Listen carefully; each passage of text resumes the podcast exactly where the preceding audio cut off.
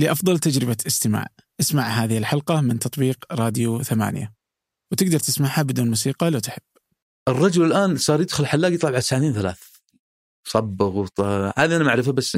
صح؟ يسوون كذا. هذه الصفة كانت عند من؟ عند المرأة. أصبحت عند الرجل أيضا. المرأة كانت توقف عند المرايه ساعة ساعتين عشان تشوف شكلها. صار الرجل يسوي كذا. المرأة هي اللي كانت تهتم بالتفاصيل. صار الرجل يهتم بها عشان سناب كذا اذا أنت أمام مح... تأنيث للكون. أهلا. هذا فنجان من إذاعة ثمانية وأنا عبد الرحمن أبو مالح. ضيفي في هذه الحلقة طارق القرني باحث ومهتم في مجال المناهج النقدية. الحلقة هذه عبارة عن اللغة اللغة وماهيتها فلسفة اللغة كيف يرى الإنسان وكيف يتكون فهم الإنسان وفكره ومداركه من خلال اللغة آه، والهيمنة اللغوية والتطورات اللغوية وتطورات اللغات حتى من ضمنها العربية وأهميتها حلقة ماتعة رائعة في هذا المجال. قبل أن نبدأ هذه الحلقة أود منكم آه، هذا الأمر هو الأهم بالنسبة لنا. مشاركة الحلقة آه، مع من تعتقد أنها تهمه. آه، كذلك لا تنسوا اقتراحات مواضيع أو أشخاص على بودكاست فنجان على بريد البرنامج فنجان ثمانية dot com. أما الآن لنبدأ.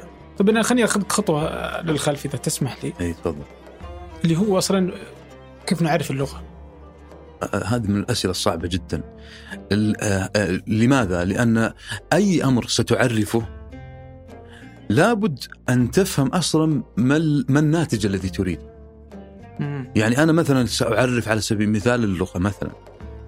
ما الذي أريده من تعريف اللغة؟ لأن التعريف هو الحد. فأنا مثلا ماذا أريد من اللغة؟ أو كيف أفهم أصلا التعريف في الأساس يأتي بعد جملة من ال- الاختلافات ثم يأتي أحدهم ويعرف تعريف معين يرضي الجميع. المشكلة في عالم اللغة ما زالت الإشكاليات كبيرة جدا إلى يومنا. فتعريف اللغة من الصعب جدا أن نصل إليها. هل هي للتواصل؟ هي أداة التواصل؟ هذه مرفوضة عند البعض شو مسكي يرفضها مثلا؟ مم. هل هي أداة للف... ل- للفكر؟ يعني لإيصال الفكر؟ أنا أوصل فكري عن طريق اللغة؟ يعني عمل إدراكي؟ هل هي أداة للكتابة فقط؟ هل هي آه هل هي أداة أصلا؟ أم هل هي موازية للعقل؟ مفهوم العقل؟ فهذه فيها يعني توسعات كبيرة جدا حسب المدرسة التي تريد أن تقول لك ما هي اللغة.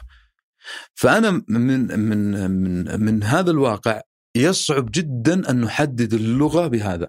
صحيح أن التعريف المبدئي سيقول لك أنها عبارة عن ألفاظ وجمل مكونة من صوتي هذا تعريف معجمي لكن لا يستقيم مع مع أهمية اللغة الآن.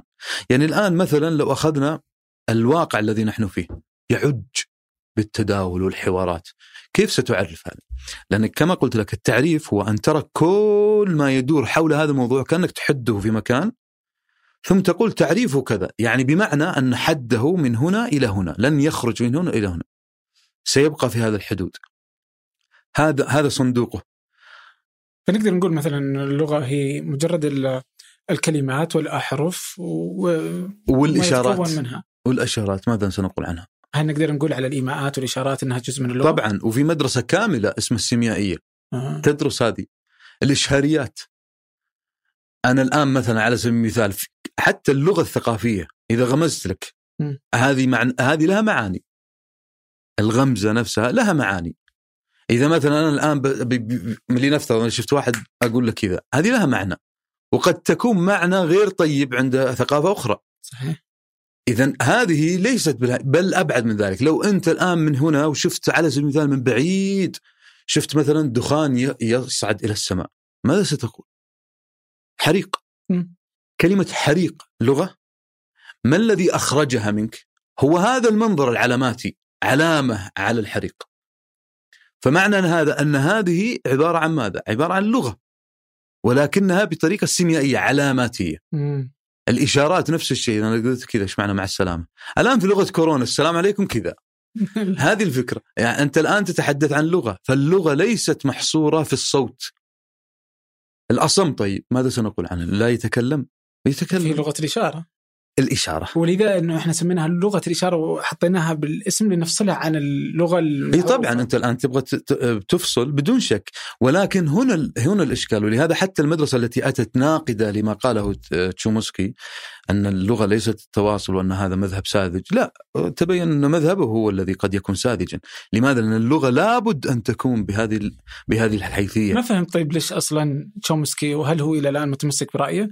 مسألة إنه التواصل انه اللغة ليست للتواصل يعني يقصد أن هذا المعنى بسيط ليس هو المعنى المطلوب عنده. ال- المعنى عنده يعتمد على أن ثمة اللغة عندها قدرات كل فرد. م. عنده قدرات لغوية وإبداع لغوي. طيب. هذا هذه القدرات كأنها مغروسة في الإنسان غريزة أصلا. يعني كأني أنا أعطيك تشبيه أنا أشبه مثلا هذا الفكر الذي يريد أن يقوله التشومسكية. ليس تشومسكي فقط مدرسته بشكل عام. وهي أصلا هذه الفكرة من الممكن المثال اللي سأضربه من الممكن أن يختصر لك هذه الفكرة. شفت بعطيك مثال يمكن يكون ساذج لكن حتى تصل الفكرة. اي ال- الفكرة شفت الآن المصانع. مثلا لنفترض مصنع عصير مو في جهاز واحد وينتج مجموعة عصائر مجموعة العصائر هذه زي بعض طقم صح؟ صحيح ولكن كل عصير يختلف عن الثاني صح؟ مهم. يعني هذا هذا العصير عصير وهذا عصير. أحسنت. اذا عندنا تعددية عصائر صح؟ شكلها واحد ولكن في جوهرها مختلفة. اللي ينتجها من؟ جهاز واحد.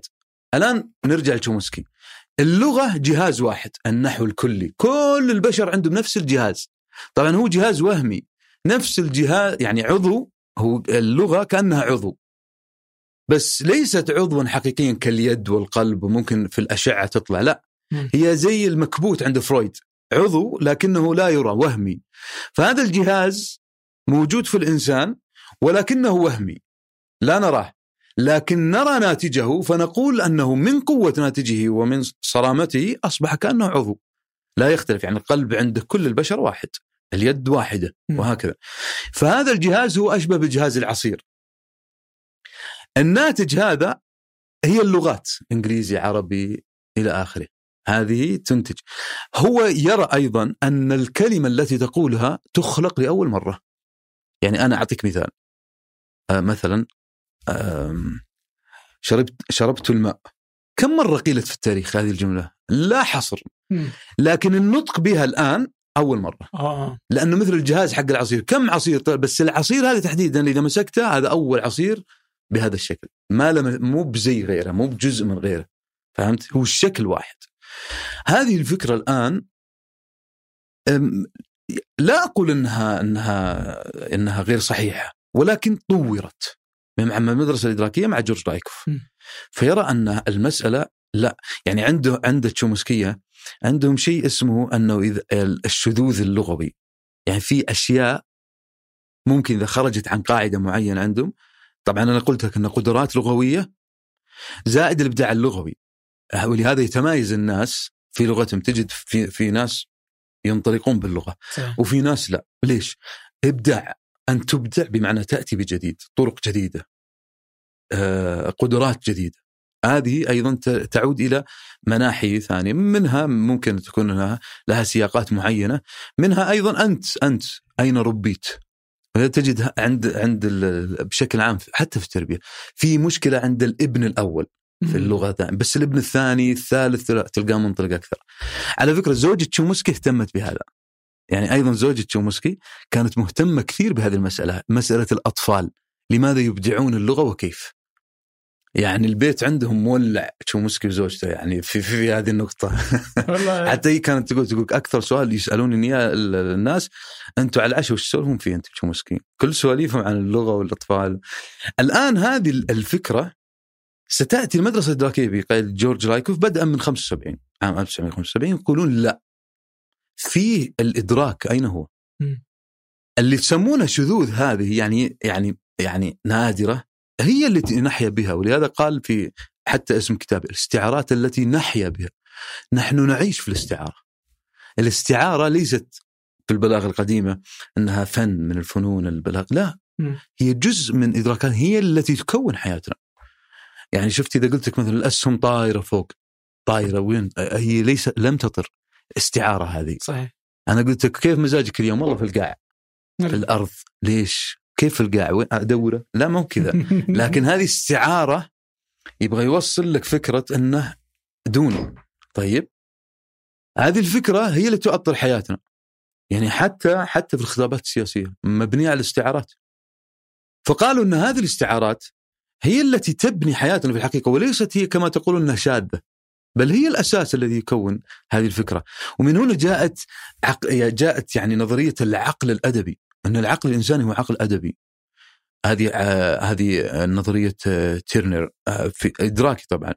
ماذا تقول؟ فطرة إي ما إي. إي كل إنسان هكذا. يعني بمعنى أن عقلك أو لغتك اللي أنت تقولها. كلها كنايات وتشبيهات و... ومعايير. الإنسان معياري بطبعه. لازم يعلق على أي شيء لازم يحكم على أي شيء. يعني أنت الحين وأنت تسولف معي قبل شيء تقول لي كيف الشاي صح. لازم أحكم والله كويس مو كويس. بس إذا قلت لك ما أدري وش بتقول وش فيك شيء؟ إيه، هذه هي الفكرة. الإنسان معياري دائما حتى إذا ما ما لقى شيء قاعد يوقف قدام مرايه يشوف هو هو في شيء وهو كيف وجهه كيف شكله. فالإنسان بطبعه معياري بطبعه بما أنه معياري لابد أنه يشبه لازم يكني لازم أنه يتكلم بلغة غير مباشرة. هذه هي طبيعة الإنسان. لازم يخبر خبر هذا أدب. أيضا يشير له الأدب. لازم أيضا آه، يمدح يذم يتغزل حتى لو في نفسه.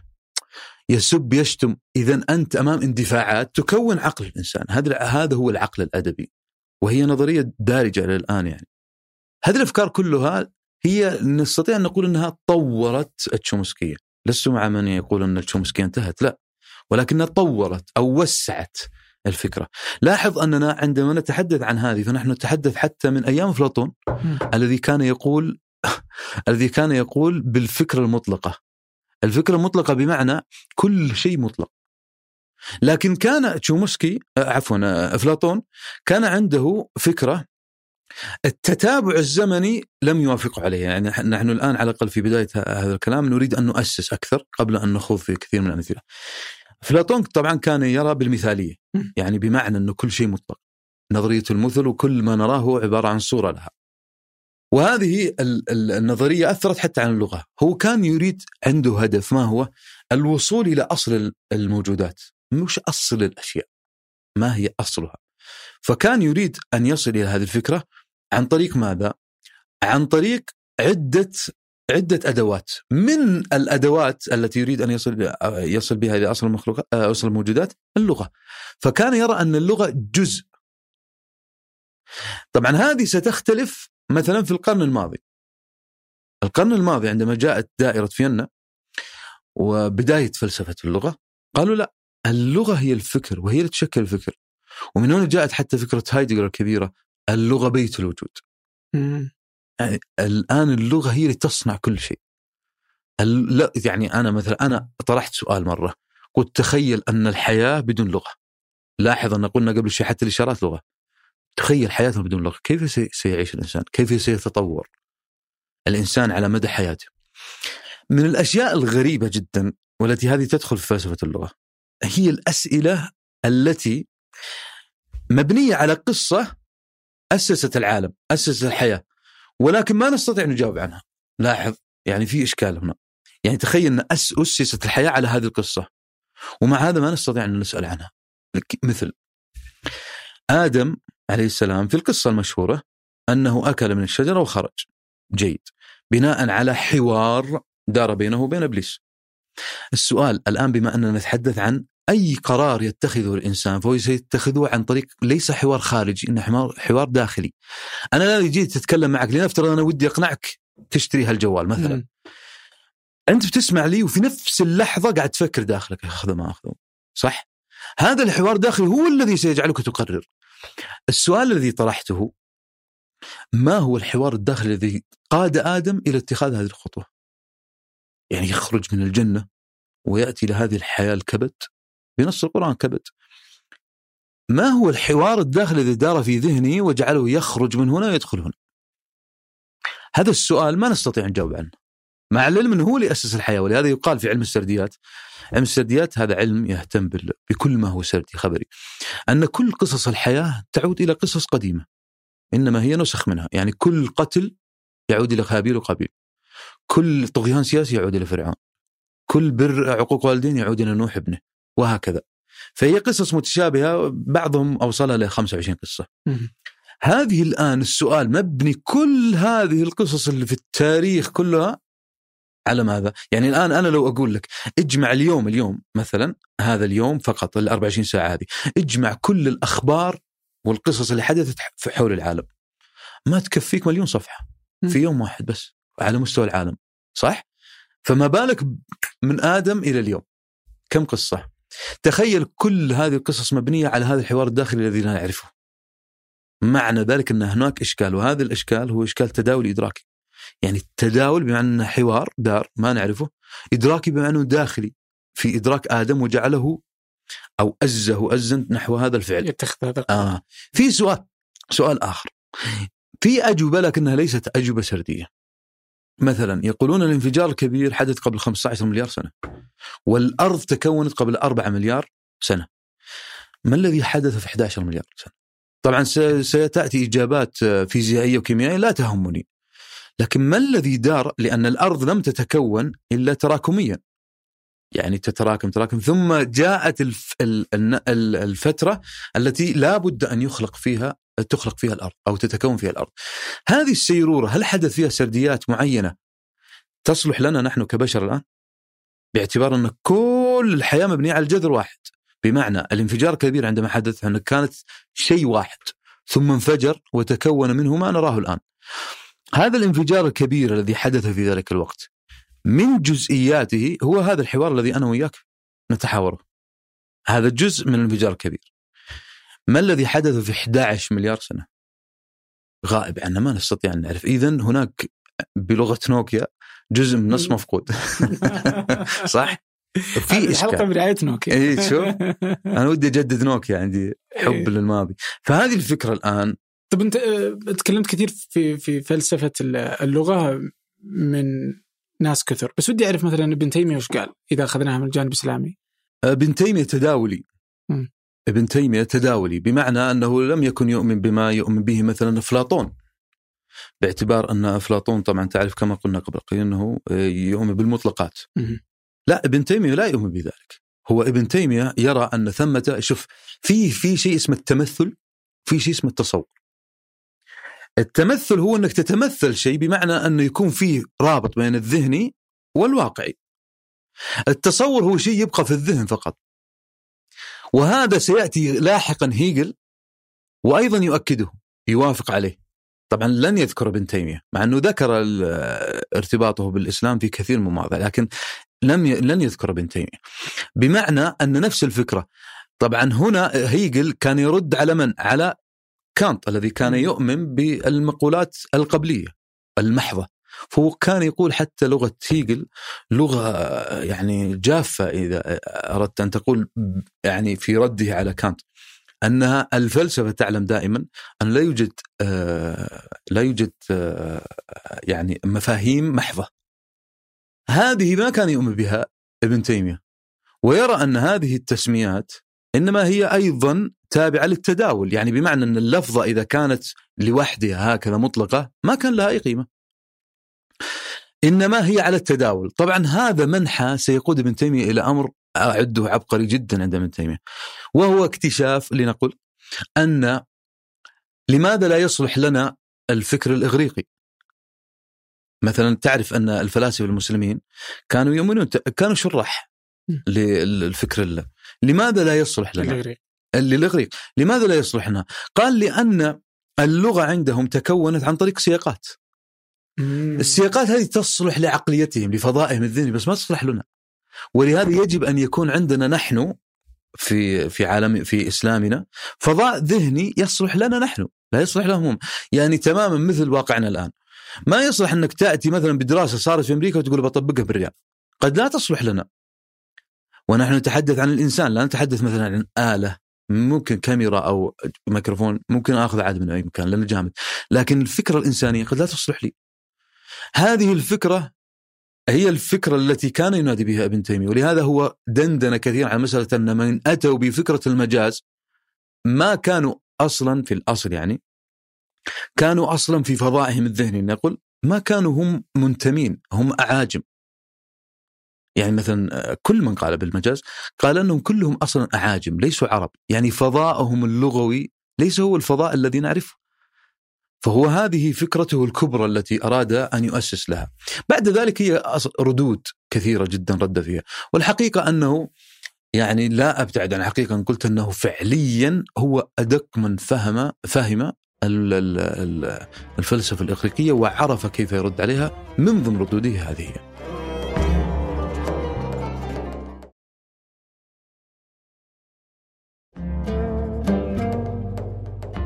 ذكرت أنت كثير يعني في الكلام قبل شوي سالفة المدرسة الإدراكية المدرسة الإدراكية ودي أعرف أصلا وش علم الإدراك؟ آه علم الإدراك هو علم لنقل أنه فعليا فعليا تكون بعد عام 75 مع جورج لايكوف. آه علم الإدراك هو الذي يدرس هو الذي يجمع علم موسوعي يجمع ما بين علم النفس والمجتمع واللغة والذكاء الاصطناعي وعلم المخ والأعصاب والانثروبولوجيا. الست هذه يجمعها كلها ويخرج برأي واحد. هذا هو هذه هي علم الإدراكيات. ولهذا هو علم يعني علم لنقل أنه يعني طفل إذا أخذنا بكثير من العلوم وعلم آه، طبعا رد على كثير من طبعا يستفاد منه كثيرا حتى في نظرياته وأجريت عليه كثير من الدراسات المهمة والتي فعليا ستكون نافعة جدا في الدروس سواء كانت العلوم الإنسانية أو غيرها. طبعا هذه أيضا تدرس في الذكاء الصناعي. يعني على سبيل المثال أنا الآن مثلا في آه، في في اللغة الحاسوبية مثلا. من الممكن أن تصل إلى وعي آه، طريقة تفكيري وإدراكاتي عن طريق معرفة ما الذي أبحث عنه دائما في مواقع التواصل. م. يعني تأخذ مثلا الكلمات اللي أنا آه، أركز عليها وتأخذها وتجمعها وتستطيع من خلالها أن تصل إلى وعي. هذه فكرة موجودة الآن. أيضا آه، يعني في دراسة أجريت آه، كمثال حتى أبين لك كيف أن من الممكن أن أغير مجتمعا كاملا باللغة. آه. أعطيك مثال. هذه الدراسة أقيمت طبعا هي دراسات أمريكية في الغالب. الدراسة أتوا بمجموعة من طلاب العلوم الإنسانية وتحديدا حتى أخذوهم من علم النفس. طبعا أنت تعرف العلوم الإنسانية أبعد ما يكونون مثلا عن الكيمياء. فحفظوهم العناصر الكيميائية، تعرف أساميها صعبة ومعقدة وحروف متنافرة و... يعني لا يمكن ابدا واحد متخصص في العلوم الإنسانية يتلذذ بها. فحفظوهم هي طبعا عشان تحفظها يعني تحتاج إلى وقت وجهد كبير جدا لأن عقليتك ليس لا تستوعب هذه. حتى تمكنوا من حفظها، طبعا هم صوروا أدمغتهم قبل ما يحفظون ثم صوروها بعد وجدوا أن بنية الدماغ نفسه غير. يعني كأنها بنية مثلا كانت مربع صارت مثلث. الدماغ نفسه شكله تغير. ليس فقط مخرجات الدماغ طبعا طبيعي اذا إذا كان البنية تغيرت فالمخرج سيتغير هنا معنى ذلك أنني أستطيع عن طريق مدخلات لغوية أن أغير الفكر. طبعا جربت هذه في عدة دول وعدة آه، مناحي حتى أن في كثير من الدراسات أطالت كثيرا في هذا ووصلوا إلى هذه الفكرة. فهذه الفكرة أطرت هذه الإشكال، طبعا هذه بداياتها قد تكون طريفة أصلا. يعني ممن تحدث عنه ستيفن بينكر طبعا هو عالم نفس الآن هو أستاذ علم النفس في جامعة هارفارد وهو عالم نفس تطوري وعالم لغة تطوري درس 21 سنة أيضا مع تشومسكي في ال MIT. قال ان في هاواي في نهايات القرن ال ال ال التاسع عشر يعني قبل أكثر من 120 سنة كانوا يريدون كان عندهم منتج سكر. فكان السكان الأصليين ما يكفون للعمل فراحوا أتوا بمجموعة من العمال من شرق آسيا من الصين من اليابان من كوريا حتى يعملوا عندهم اللغة الآن اللغة مغايرة مش نفس اللغة فما الذي فعلوه؟ بدأوا يتعلمون الجدة هؤلاء يعني درجة درجة مثل مثلا آه، مثلا تأتي بعمال من شرق آسيا فيبدون يتعلمون السعودي مثلا أو العربي عفوا آه، درجة درجة. فاللي حصل أنه بدأوا يتعلمون اللغة بس وقعوا في مشكلة. هذه المشكلة صارت كارثة اقتصادية. هي الضمائر. أعطيك مثال. أروح بقالة مثلا أنا بعطي مثال بواقعنا حتى تفهم هذه النظرية. أروح بقالة فالمفترض وش أقول؟ إذا جيت أقول لك ترى أنا اعطيت ريال وأخذت عصير صح؟ اعطيتها ريال. لكن تخيلني قلت لك. آه مثلا أخذت ريال وأخذت عصير. أنت وش بتفهم؟ أنك اخذت ثنتين. إيه. لاحظ أنت فهمك الآن مبني على ما تسمع. صح؟ صحيح. ممتاز. هنا جت في شيء اسمه اللغة مولدة ولغة هجينة. مم. يعني اللغة دائما التي الهجينة هي التي تأتي بعد اللغة الأصلية. يعني آه، مثلا آه، أنا في يجي هذه لغة يعني هجينا أي مولدة هي اللي تتولد بعد ذلك. تتولد لغات ثانية أيضا. طيب الفكرة الآن ما هي؟ هؤلاء الآن سينقلون لمن بعدهم هذه اللغة. اللي بعدهم درسوا اللغة مضبوط.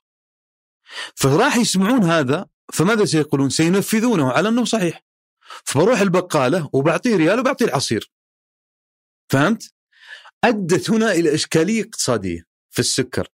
يعني هم جابوهم عشان يستفيدون منهم خرب الدنيا وراح السكر وراح الاقتصاد بسبب هذه الإشكالية. من هنا تنبهوا إلى أن حتى الضمائر لابد أن تكون داخلة في عمق التفكير الذي قد يؤدي إلى كوارث لا يحمد عقباها. عجيب هذه أيضا ستؤدي إلى إشكالية حتى في علم النفس وفي العلاج النفسي مثلا. أعطي مثال. مثلا فلان مثلا ذهب إلى طبيب نفسي أو لنقل معالج نفسي سواء كان أخصائي أو طبيب. طبعا سيحكي له صح؟ سيقول له أنا كذا وكذا. أنا سأقف عند ضمير واحد فقط اللي هو ضمير أنا. لنفترض أنا بعطي ثلاث حالات أو ثلاث سياقات لي أنا السياق الأول أنا بنفسي. مثلا هو يتكلم يقول أنا بنفسي كذا كذا. السياق الثاني أنا بدون نفسي. السياق الثالث يصير مضمر. قلت له كذا.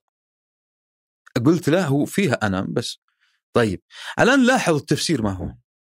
التفسير الأول أنا بنفسي يدل على التأكيد يسمى التأكيد التجانسي بمعنى أنا زائد أنا.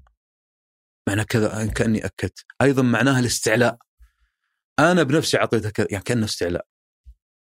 هنا لازم أنا كطبيب أو كمعالج إني أنا أفهم إن الجملة اللي بتنقال بعد أنا بنفسي مؤكدة فاكدون مثلا عندي انه هو ال- المعلومات هذه أكيد. مم. أجي عند ال- المعنى الثاني اللي هو أنا كذا كذا. إذا انقالت من شاب فمعنى ذلك إنها رغبة في الاستقلال. زي المراهق لما يجي عند أهله مثلا أنا حر أنا أبغى أطلع مع أصدقائي أنا ك... يريد استقلال بهذه الكلمة. فأدون هذا إذا كان شاب. إذا كان كبير في السن وقال أنا بدون نفسي فمعنى ذلك إنه يتمنن أو يتفضل. أنا أصرف عليهم أنا اللي رباهم أنا اللي أعطاهم. ما تسمع من كبار السن؟ أكيد سمعتها. هذه الفكرة موجودة. طيب تعال عند الثالثة اللي هي المدمجة. قلت له كذا. هذه معناها إن اللي بعد بيجي ظني والله أنا قلت له كذا يعني ب... يعني معناه إنه ما يعني يمكن ما قلت له أصلا. يعني كأنه ممكن تكون كذب. فأنا أدون هنا إن ترى المعلومة اللي بعد هذه لا اعول عليها كثير في العلاج. لاحظ كل هذا بس على مثال واحد. على ضمير واحد. فكيف بتحليل كل ما سيقول المريض؟ هل هذه موجودة عند الطبيب النفسي والمعالج النفسي؟ ما أعرف. أوكي.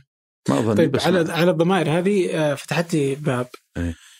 واضح إن اللغة يعني ابوابها لا تنتهي لكن جداً. هنا باب الضمائر آه، فإذا نقول انه اللغة تكون آه، عقل الإنسان صحيح. وفكره كيف علاقة اللغة اللي ما تملك مثلا ضمائر التذكير والتأنيث. كيف تاثيرها على على اصحابها نفس التأثير لماذا؟ لأنه أيضا هناك تطوري، المسألة نعود هنا للتطور. أيضا. هي مسألة أن إذا كانت من الممكن هذا المنحى لا يؤثر لكن في مناحي ثانية ستؤثر. يعني مثلا على سبيل المثال مسألة التذكير والتانيث هي أخذت بسبب الحرب الجندرية. يعني لا تقول مثلا على سبيل المثال لا تقول مثلا هذا رجل وامراه وتفرق بينهم كلهم سواسيه. طبعا أتت هذه بعد الحركات النسوية كثيرا ولكن هذه لن تلغي الإدراك الموجود. الإدراك الموجود هذا ترى له يعني أنا وياك سافرنا قبل شوي لانفجار كبير. مم. فهذا قديم جدا. الكلمة اللي أنت تقولها عبد الرحمن الآن اعرف تماما إن عمرها ما لا يقل عن 2000 سنة. م. نعم. استخدمت قديما وأحيت الآن. هي ليست ليست بالكلمة التي ولدت الآن كما قلت لك قبل قليل. إنما هي الفكرة أنها لها تاريخانية. لها تاريخ طويل جدا. أنت استخدمته. هذه ممكن أن عشان نسهلها بنجيب ركائز اللغة الموجودة في أي إنسان. الأول هو الاختيار والتركيب. ما معنى الاختيار والتركيب؟ أنا الآن مثلا في ذاكرتي في مخزوني اللغوي عندي مثلا لنفترض جدلا 5000 كلمة. ابى أجي أتكلم على سبيل المثال ابى أقول لك والله مثلا آه، شربت الماء وهذا الجوال مثلا قلت كذا. مثال بايخ بس مثلا. مثلا. هذه تخيل الحين كلمة هذه شربت الماء مثلا.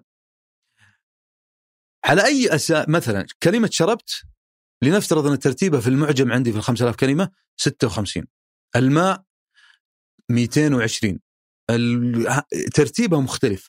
يسمى الاختيار. كأني اخترت من ال 5000 كلمة هذه الكلمات. ثم جاءت بعدها التركيب. الكلمة هذه حطها أول وحدة الثانية هذه حطها هنا. تركبتها. لماذا؟ حتى انتج ما يسميه النحاة جملة مفيدة. هذه الجملة المفيدة أنت ستفهمها علي. وهذا هذا اللي بيخلي بيني وبينك تواصل سليم. نعود لمسألة التذكير والتأنيث هي جزء من هذه. بمعنى أن هذا التركيب إذا كانت الثقافة تسمح به فسيكون طبيعي. مم. سواء كان في مؤنث ومذكر أو سو- سواء كان حتى حتى أمر يعني في بعض الكلمات عندنا في العربية لا نروح بعيد. في بعض الكلمات الآن أصبحت ثقيلة في التداول. مثل؟ مثلا كلمة عانس عن المرأة. أصبح في مطالبات كبيرة بأن لا تقال. فصار في قبول. لماذا؟ لأن الثقافة سمحت بذلك. من الممكن أن تقال. والله فعلا رجعنا للمعاجم حتى القديمة ووجدنا أن حتى عانس كلمة عانس تقال للرجل مثلا. فما في إشكال. عادي. نتنازل عن هذه المسألة لأن مسألة طارئة. في ثقافة يعني كونت ثقافه في فترة معينة لا, بأس أن نعود إلى الثقافة الأولى التي تقول أن عانس تقال للرجل والمرأة أو من الممكن أن يعني لا نقول لا الرجل والمرأة هذا اعزب وهذه عزبه وانتهينا. هذه الفكرة الآن تؤطرها من؟ الثقافة نفسها، فإذا قبلت الثقافة هذا أصبح الاختيار والتركيب مبني عليها فلا بأس. أوكي لكن المهم أن لا تأتي بما لا تقبل به الثقافة. مثل الث... يعني أن تأتي بكلمة مثلا في كلمات كانت تقال سابقا عند العرب لا بأس بها. الآن إذا قيلت فإن لها منحى جنسي. ما تقال. وهذه أيضا من تطورية اللغة. فهذا المنحى إذا أنت زمان قلت هذه الكلمة ما مقبول. ولكن إذا قلتها الآن فمعنى ذلك أن قد تحاكم بسببها. لاحظ؟ واو. إيه، في إشكال. طبعا هنا في في إشكال لابد أن ننبه له. وقد نبه له آه، آه، هيكل في فلسفة التاريخ. وهي مسألة أن لا تقيس السابق بعقليتك الآن. يعني الآن على سبيل المثال أبجي مثلا زي ما قلت كلمة مثلا معناها جنسي. ما لما أقراها في كتب التراث ما أقول ها شوف كيف كانوا يسولفون. بالله هذا يعني هذا عالم هذا يقول كذا. لا لأنك أنت قاعد تقيسها بعقلك الآن. بس يقول هو؟ يقول إن إحنا نفهم أنفسنا من التاريخ أصلا. كيف؟ هو يقول إنه إحنا نفهم أنفسنا من قراءتنا للتاريخ وفهمنا للتاريخ. هنا الفكرة. الفكرة أنك أنت لابد إذا قرأت التاريخ أن تدخل التاريخ كما هو. هذه يسميه هيجل وهذا اللفظ استخدم بعده كثيرا اللي هي التاريخانية. مم. ما معنى التاريخانية؟ يعني الآن لنفترض أنا بدرس العصر العبا الأموي مثلا. المفروض أني أنا أعيش العصر الأموي كأني بينهم. أعيش حالتهم الاقتصادية والمزاج الذهني وطريقة لغتهم ومتى ينامون يقومون نفس البيئة تماما كأني بينهم الآن في هذه الحالة أستطيع أن أنقدهم أستطيع أن أصوب خطي بس ما يصلح زي ما قلت قبل شيء أني أنا أقول شوف كيف قال هذا كذا في فما لا تقدر التاريخية. تقول الحين لأن ليش؟ لأني قاعد أقيس له في زمني الآن. أو مثلا أقول لك مثلا على سبيل المثال من الأخطاء أيضا الدارجة في عالمنا الفكري العربي، أنا أقول مثلا أين مفهوم الحرية في التراث العربي؟ غير صحيح، لماذا؟ لأنه في عصر ما كان في رغبة مثلا أن نقول هذا الأمر. أعطيك مثال بالعالم الغربي مثلا.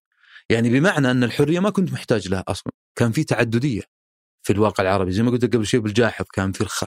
أحمد بن حنبل هنا في بغداد وأبو نواس هنا كلهم في بغداد. آه. ترى بغداد في ذلك الوقت إذا قلت بغداد ترى ما حي من أحياء الرياض من كمساحة يعني.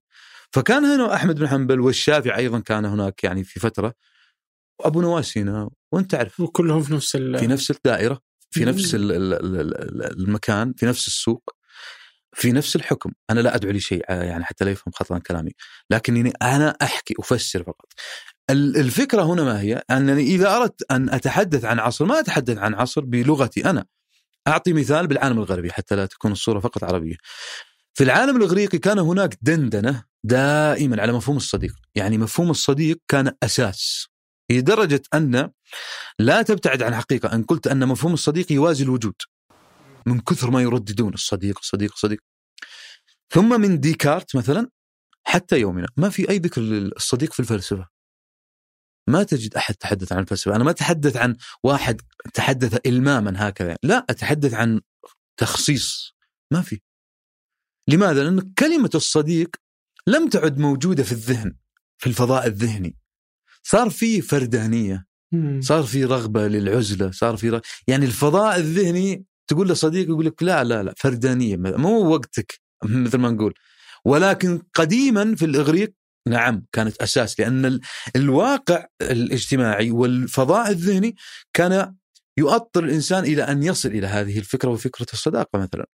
فما أتي مثلا أقول والله العالم الغربي عالم خائن، لماذا؟ لم يتحدثوا عن الصداقه يوم، لا هم ما احتاجوا يتحدثون عنها. بعضهم يأخذ حقوق الإنسان الآن مكتوبة تجدها حتى في جوجل بنفسه كذا يطبقها على العالم التاريخ الإسلامي. هذا لا يمكن ابدا وفق خلك من وفق أنا ثقافتهم وفق هيجل في. فلسفة التاريخ المب... اللي هو النوع الثاني من التاريخ ال- القسم الثالث تحديدا اللي هو نقد التاريخ. وفق هيجل والهيجلية للان سائدة ما ينفع هذا الأمر، هذا الأمر لا يمكن ابدا أن يؤطر إلى العلاقة الحقيقية للتواصل عن طريق اللغة وتطوير الفكر بهذه الطريقة. أي. طيب آه، إحنا نقول إن اللغة تتطور صحيح. آه، وشلون هل يعني هل نتوقع إنه ممكن مثلا الآن الآن في تطور جالس يحصل مثلا آه، غربيا وكثير من الأفكار الغربية اللي جالسة تحصل يعني مما لا شك إنها تنعكس بشكل أو بآخر خصوصا مع التواصل الاجتماعي والإنترنت إنها أصبحت دارجة في مجتمعنا. فإذا مثلا اللغة العربية إذا هم أصلا الآن بداوا يحاولون البحث عن ضمائر جديدة. م. أوكي. آه، أن اللغة العربية ما فيها ضمير آه، محايد وإما ذكر أو مؤنث.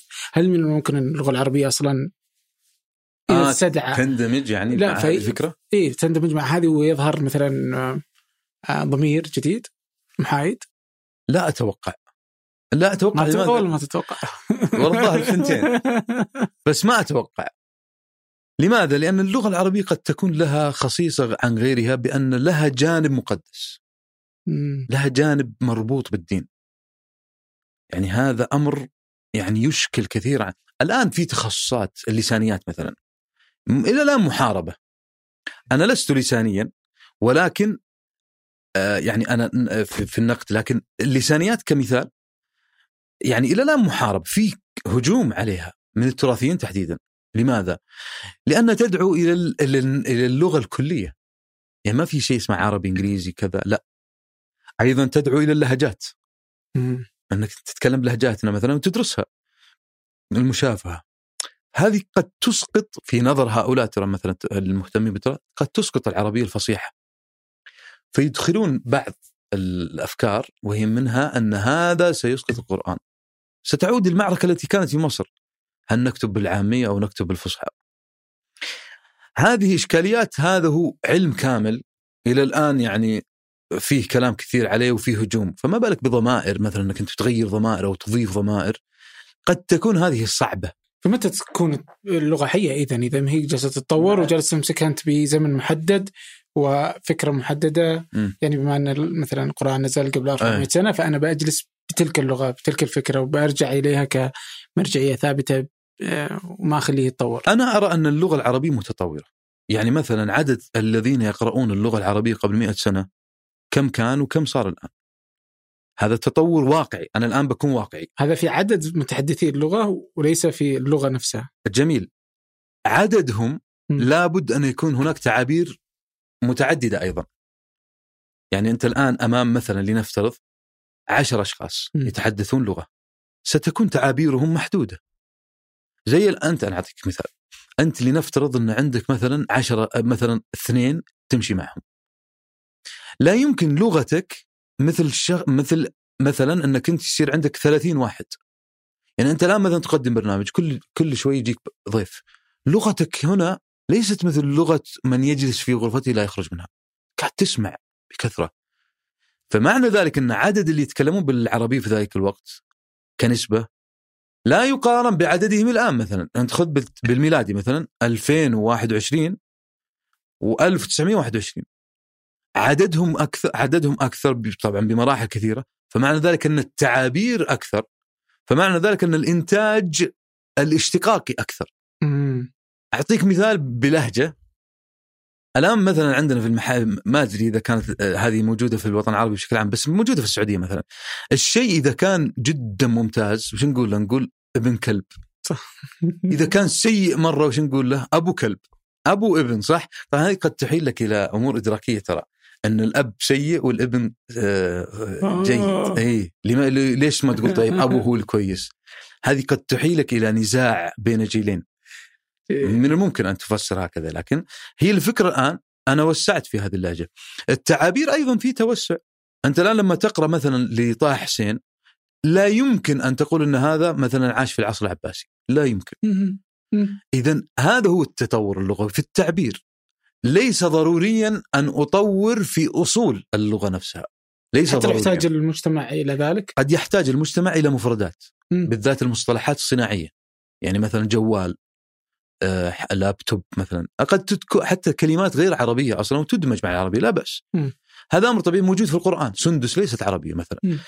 ولكن هو الفكرة فكرة أن قواعد العربية من يعني يصعب القبول قبول بهدمها طبعا. تطويرها ما قلنا هدمها. لا لا في ناس قالوا هدمها شوقي ضيف قال. يعني مم. في شوقي ضيف كان يبغى يلغي ثلثين ال- النحو. إيه، كبك منه. هو ترى اسم كبير. إيه. فهذه الفكرة فكرة إنها إن في دعوات لهذا الأمر. وهذا اللي مخوفهم من اللسانيات ترى. يعني مسألة. إنه هذا نحو كلي ونصير زينا زي الإنجليزي هذه مشكلة.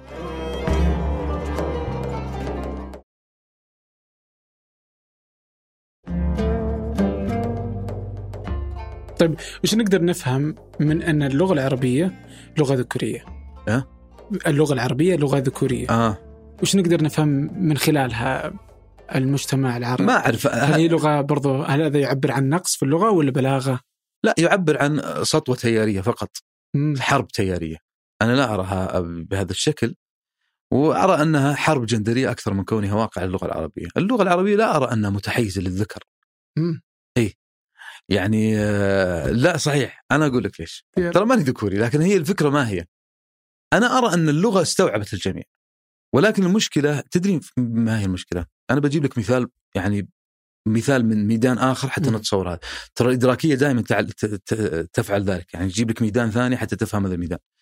الآن مثلا في السياسة. سيأتي مثلا الآن إحنا في, في مثلا في رؤيه 2030 مم. فيها فيها من ال من ال لنقل من الأمور التي تدعو إلى ال- إلى أن نقول أن الواقع تطور كثيره جدا. اللي عنده مشكلة مع السعودية ماذا سيقول؟ إذا شاف واحد عاطل بيقول شوف العطالة في السعودية ويكبرها ويخليها هي قضية القضايا صح؟ من واحد مثلا صح. ولا عشرة لكن سيغفل عن مئة ألف توظف هي نفس الفكرة ليش أنا قلت تيارية لأنهم جاءوا عند مناب أماكن معينة في اللغة وضخموها حتى وصلت إلى أن نشوف اللغة العربية ذكورية هي ليست بهذا الشكل. لا لا، بس لو كنا مثلا خمسة جالسين وفيه بنتين وش بتقول؟ أنتم ولا أنتن؟ أنا ولا اللغة؟ اللغة. خلك مني أنا. يلا. اللغة ب... لا بشير بهذا المصطلح أنتن طبيعي. لا لا تقول عليه يعني هل تقول علينا أنتن وهم خمسة رجال و... آه أنت بتقول إني بجمعكم كلكم؟ إيه. لا من الممكن أقول أنتم. أنت. أنتم وأنتن من الممكن أن أجمع بين هذه وهذه. مم. طبعا سيقال مثلا لنفترض أنا لا أنك أنت هنا ستكون مجبر على مسألة أنك تختار واحدة مثلا. مم. فأنا سأختار أنتم مثلا. لا بأس بهذا. ودائما هذا الاختيار هو يعني دائما يقال يقال الدارج؟ يعني اي الدارج. في الأولاد تشمل أنا أقول لك. ورغم إنها ولد. آه وهكذا يعني. لأن الثقافة هي هي الفكرة ما هي؟ مثلا الجندرية. لو فهمناها بنفهم هذه. الجندرية أتت من واقع الحياة نفسها. زي ما قلت قبل شيء عشان تفهم الحياة لازم إنك تعيش العصر نفسه. العصر إلى فترة قريبة كان عصر أشبه بال- بالعصر الذي يحتاج إلى القوي. القوي بالمعنى البدني. يعني إلى العصر الماضي ونحن هو في حروب دامية. يعني مثلا خذ القرن الماضي 1900 2000 من 1900 ل 2000 مثلا. حرب البلقان. العالم العالمية الأولى العالمية الثانية حرب كوريا حرب اليابان والصين حرب ال- الباردة طبعا فيها كوارث حرب أفغانستان حرب حرب. العالمية الأولى حرب الكويت وإيران آه العراق وإيران. يعني أنت تحدث عن حروب لا حص... حرب أمريكا وفيتنام اللي دخلت. عصر كله حروب. كم عدد القتلى فيه؟ مئات الملايين. اذا أنت تتحدث عن قوة. هذه القوة تتناسب مع جسدية الرجل. لما جاءت القوة الناعمة مفهوم جوزيف ناي في نهاية التسعينات بدأت هنا ما أستطيع أن نقول عنه تأنيث الكون. إيش معنى تأنيث الكون؟ الكون بدأ يتجه للنعومة وهذه تتناسب مع من؟ مع المرأة. هذا ليس سب سبة في المرأة طبعا لكن هذا واقعها ما فيها شيء. يعني الصفة حيادية هنا. التأنيث الكون بدأ واضحا حتى في يومياتنا نحن. كيف؟ يعني أشياء بسيطة عشان أبين لك ما معنى تأنيث الكون. زمان كانت المرأة مشهورة بماذا؟ أن هي تشيل شنطة معها صح؟ صار الرجل يشيل شنطة الآن آه يلا صح؟ يعني هي كانت صفة للمرأة أصبحت صفة للرجل أيضا.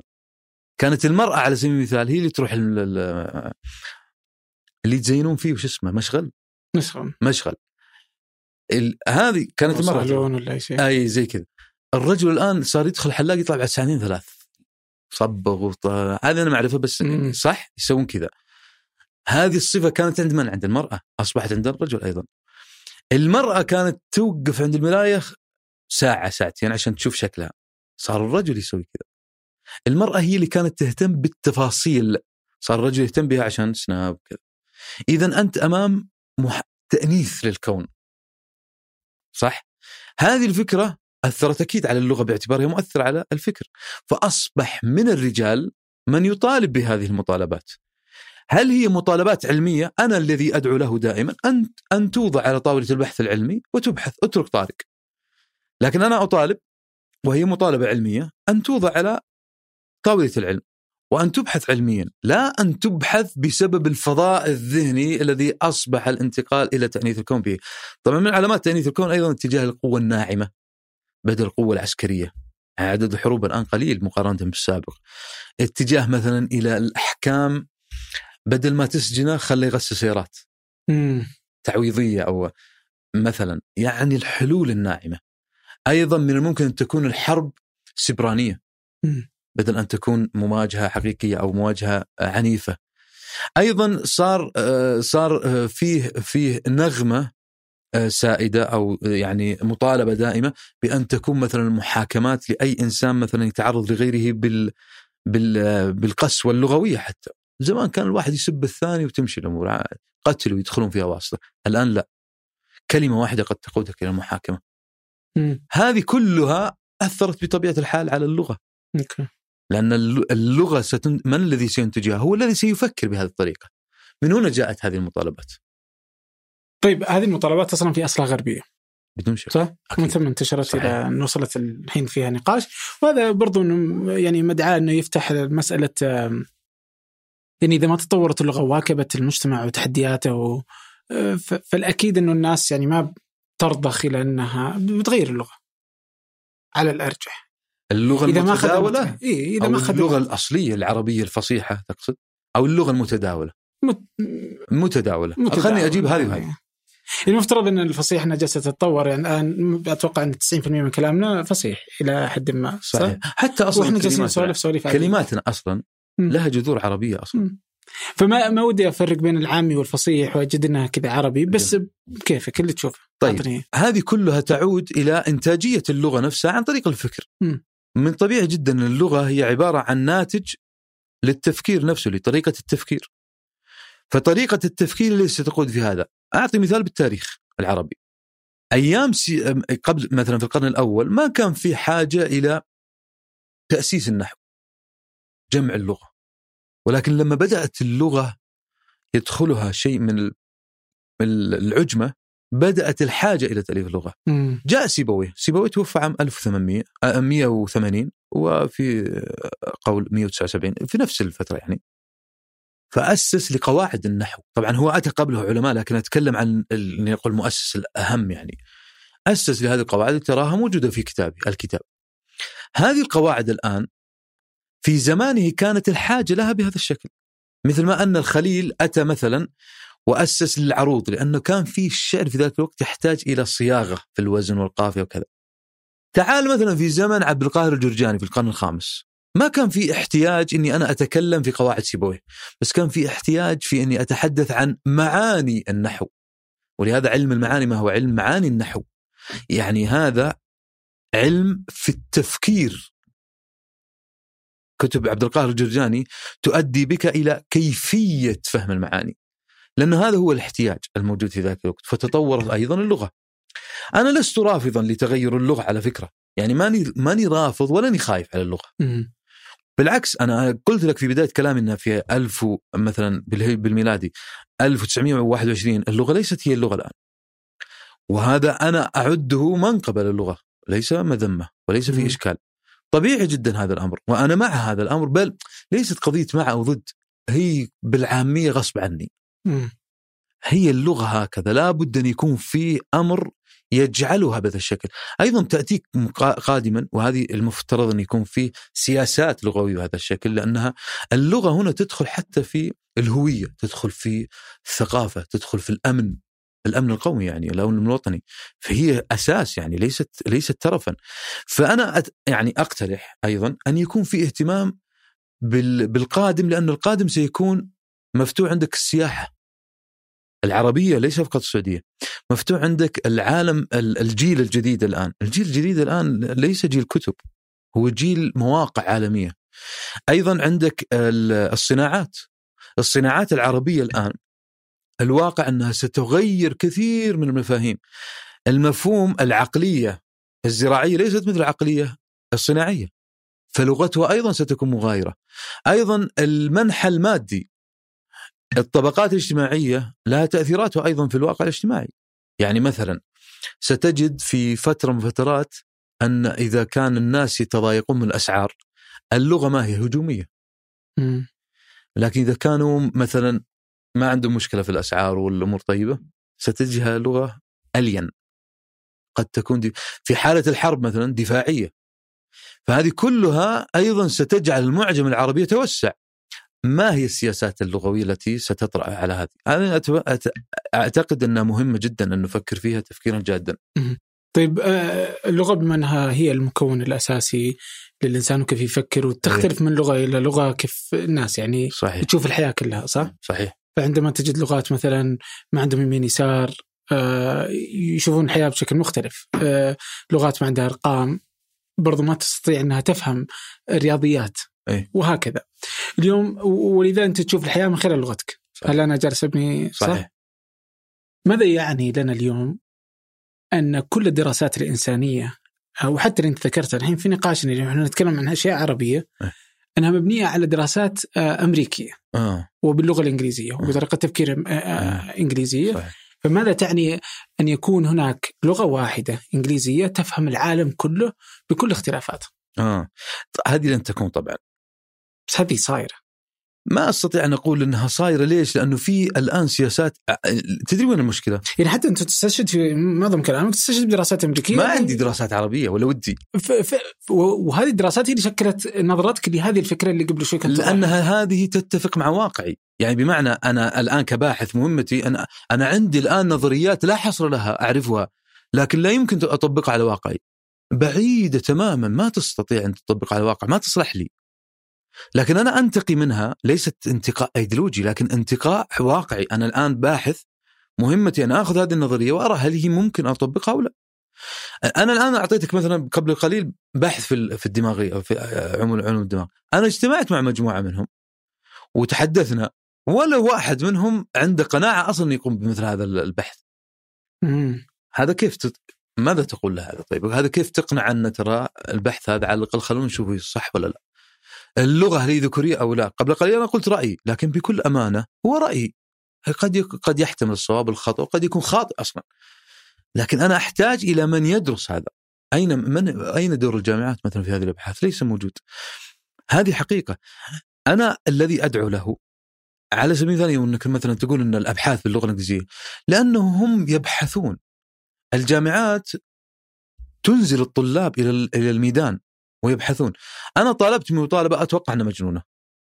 ما أدري هكذا أصنفها. تسمحني أقولها؟ أبد بالعكس. أنا طالبت مثلا في اللغة العربية. طالبت الجامعات وأنا متاكد بيكرهوني طلاب الجامعة الآن. بس حقيقة أن هذه مصلحة يعني مصلحة كبرى يعني. على الأقل ممكن تكون استراتيجية. ممكن ممكن يتم التفكير فيها ويحذف منها أشياء ويضاف إلى أشياء عادي. بس المهم هذه نواتها عندي. أقترح مثلا لتطوير اللغة العربية. اولا أن الطالب يربط بالملتقيات والأندية الأدبية. ما تتخرج حتى تثبت فعليا أنك نشرت ما لا يقل عن ثلاث أبحاث محكمة. مم. لابد ما تأخذ وظيفة حكمنا البكالوريوس أصلا. يلا خلينا نعتبر إنه في تحكيم. طيب. يلا يعني أنا ببدأ من من من تحت. طيب. لابد ثلاث أبحاث محكمة. حلو. طيب طبعا هذا شيء سيجعلك لابد أن تنشئ مجلة أو مجلات سواء في الأندية الأدبية أو حتى في الجامعات ممتاز أو مستقلة. الأمر الثاني لابد أن أن يكون عندك آه، شهادة مثلا من النادي الأدبي والملتقيات الثقافية أنك أقمت ثلاث ندوات. على مدى خمس سنوات أو أربع سنوات تدرسها يعني هذه شيء قليل ترى. أيضا لابد أن تكون عضو فعال في هذه الملتقيات وفي بطاقات الآن إحنا في عصر التكنولوجيا يعني المفروض إني بس أطق الجهاز يطلع كم مرة دخلت وكم مرة في هذه السنوات. يحطون لك إياه في توكن توكن. مثلاً. هذه الفكرة يجب أن تكون موجودة طيب أنت قاعد تضحك بس ترى هذا فعليا لو بالعكس. لو درس أنا أتوقع إنه بيصير شيء إيش اللي بيصير؟ أنا أقول لك الآن الطالب بهذه الطريقة سيتفاعل مع تخصصه سيصبح الطالب لي سينتقل من العقل المعلوماتي إلى العقل المعرفي. تدري إيش الفرق بينهم؟ العقل المعلوماتي هو اللي يعطيك معلومات. قال قال قال معلومات ويكيبيديا. والناس مهووسين بالمعلومات حاليا. ولهذا تجد الناس كيف من الممكن أن استفز الواقع بمعلومة. تلقاه يقرأ كتاب مو عشان الكتاب. لكن آه. إذا لقيت كتاب أيوه تغريدة. عشان ترند عشان إعجابات وكذا. هذه هذا واقع الآن. العقل المعرفي هو العقل الذي تقوم العمليات الذهنية عنده بالربط بين هذه العلوم من أجل إنتاج معرفة. هذا مش موجود عندنا. ليش؟ لأن ما في تدريب وتربية على الأبحاث. طيب هذا الطالب الآن اللي بيتخرج بكالوريوس اولا أنت راح تنفع حتى الدراسات العليا لأنه هو الآن عارف إيش معنى بحث علمي. عندنا مشكلة وكارثة. أنا الآن لي سنوات وأنا تطوعا يعني أعمل مع طلاب وطالبات دراسات عليا. طيب. في إشكالية كبيرة جدا يا عبد الرحمن في الدراسات العليا في, الأبحاث. المشكلة فيها في ظني وسأعود إلى المقترح بعد قليل لكن هذه هامش. المشكلة فيها هي فكرة ال- ال- ال- العقل اللي أنا أسميه العقل النحوي. مم. أثر على الدراسات النقدية واللسانية وغيرها، كيف؟ النحو لما تقرأه قرأت أكيد يجيب لك المبتدأ ثم شواهد على المبتدأ. الخبر شواهد وهكذا. اللي حاصل الآن في الدراسات النقدية مثلا هو إنه يأتيك على سبيل المثال في التداولية. التداوليه لها أبواب. مثلا الاستلزام الحوا... الحواري ثم يأتيك بشواهد. أه، اعرف لي التداولية تعريفها العام ولا تعريفي أنا الخاص؟ ودك الثنتين يلا عم من باب الأمانة العلمية أقول الثنتين. التعريف العام هي دراسة سياقات اللغة مم. اللي قاعد يصير بيني وبينك الان تداوليه. هذا تجده مبثوثا في قواميس التداوليه. مم. تعريفي أنا الذي كتبته أنا عندي كتاب في التداوليه تعريفي أنا الشخصي هو دراسة ما تكنه اللغة من حقائق الوعي. دراسة ما تكنه اللغة من حقائق الوعي، بمعنى الحديث اللي أنا أتكلم فيه أنا وياك هو عبارة عن ماذا؟ وعي ووعيك اللي قاعدين نتكلم. فأنا أعرف وعيك من خلال لغتك، فأنا التداولي هنا أدرس هذه الفكرة. اتضحت؟ واضح. الآن نعود إلى المثال حق الدراسات العليا. طيب الآن عندي الاستلزام الحواري مثلا هو مبدأ من مبادئ التداولية. ما معنى الاستلزام الحواري؟ يعني مثلا بالعامية سكر الدريشة، تقولون دريشة انت ولا؟ تدري اي كويس. سكر الدريشة، إيش معناها؟ الغرفة يستلزم هذا أن الغرفة فيها دريشة. مم. جميل؟ صحيح. ممتاز. هذه هي الاستلزام الحواري. الآن طالب الدراسات العليا ماذا سيقول؟ الاستلزام الحواري ثم يأتي بأمثلة. عنوان طيب البحث ما هو؟ مثلا شعرية المكان في مثلا في ديوان محمود درويش. الآن البحث المفروض يكون عن ماذا؟ الشعر محمود درويش لا البحث كله الفصل الأول استلزام الحوار، الفصل الثاني نظرية أفعال الكلام، اذا صار البحث عن التداولية مش عن محمود درويش. المفروض المنهج يكون أداة يعني وسيلة للوصول إلى غاية وهي محمود درويش، صار العكس. صار محمود درويش هو الغاء هو الوسيلة اللي توصلنا إلى فهم الاستلزام الحواري ومبادئ التعاون وغيرها. هذه العقلية تخيل هذه في ماجستير ودكتوراه. اللي هم باحثين المفترض أن يتم تجاوز هذا في البكالوريوس لما يكتب هذه الأبحاث نرجع إلى مقترح البكالوريوس هذا سينمي عندك الأبحاث مما سيجعل عندك فعليا يعني يعني دراسات متقدمة جدا في الدراسات العليا هذا ما تحتاجه حتى في السوق أيضا سيجعل عندك مجلات علمية ما يحسن ابدا يعني حقيقة ونحن في هذا العصر وفي هذا التقدم وما يكون عندنا مجلات علمية زاخرة هذه مشكلة أيضا سيخلق عندك عقليات معرفية انه إذا كان عندك أعمارهم 20 سنة وجالسين يكتبون أبحاث ويلقون ندوات أنا عندك عندك قدرة على بناء معرفة في المجتمع. فلها هذه التعددية لها هذا الأمر. طبعا هؤلاء حتى لما يتحدثوا عن مواضيع لنفترض مثلا هل اللغة ستبقى هل تتطور سيكون النقاش نقاش معرفي وليس أيديولوجي أو أو يعني عاطفي. لا هو سيكون بهذه الطريقة. وهذا هو المطلوب. طبعا هذا سيحيلنا أيضا إلى كيف نتعلم. وهذه نقطة أيضا ناقشتها كثيرا فلسفة اللغة. أوكي. اي لا يعني أصلا مسألة الجامعات والتطور فيها ومسألة عندك مشكلة؟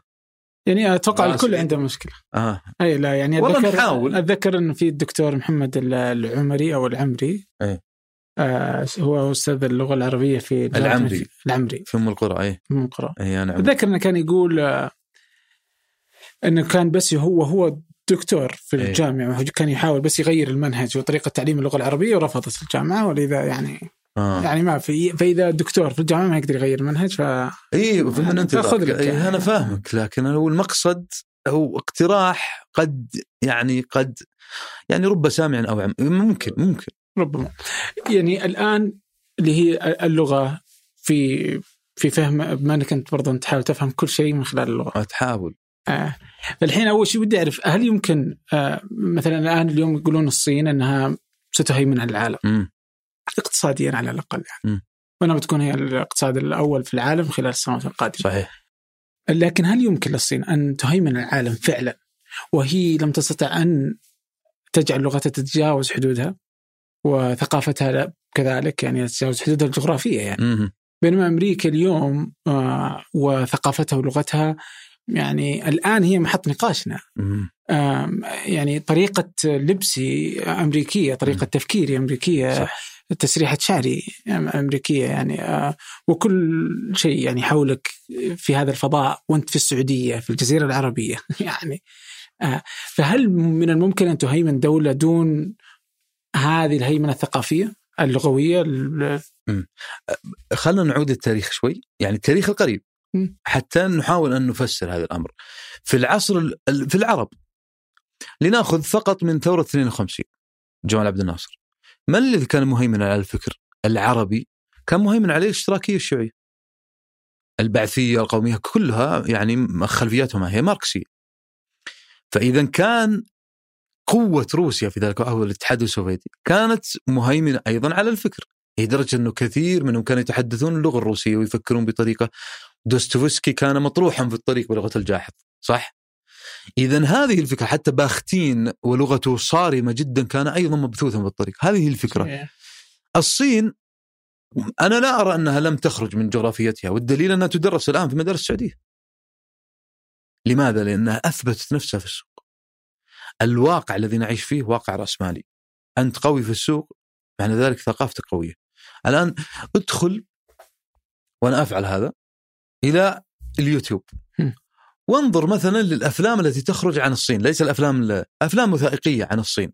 شوف المشاهدات كم. مهولة. شوف التعليقات كم. يعني أنا داخل قبل كم يوم لقيت في واحد من المقاطع أكثر من 3000 تعليق. عربيه؟ إي. شيء مهول. يعني أنت. لما تقرأ حتى التعليقات انبهار كبير. انت لما تشوف حتى مثلا على سبيل المثال تصنيف الجامعات مم. تصنيف شنغهاي مثلا هذا موثوق جدا وحتى إنه يتجاوز في كثير من الح... بل د- غالبا ال QS البريطاني مثلا. الآن عندك الصناعه الامريكيه لم تتجه للصين اذا أنت أمام أمام اتجاه لكنه بطيء بحكم الهيمنة الأمريكية قوتها الإعلامية. ومع هذا أمريكا نفسها ما استطاعت أن تخرج حتى أن الصين كانت تروج لفكرة من باب السخرية قالوا حتى العلم الأمريكي الذي فوق البيت الأبيض ترى صيني صناعة صينية يعني نحن وصلنا إلى هذه الفكرة فأنت مثلا هذا البرنامج هذا اللي يتواصلون فيه الناس شو اسمه؟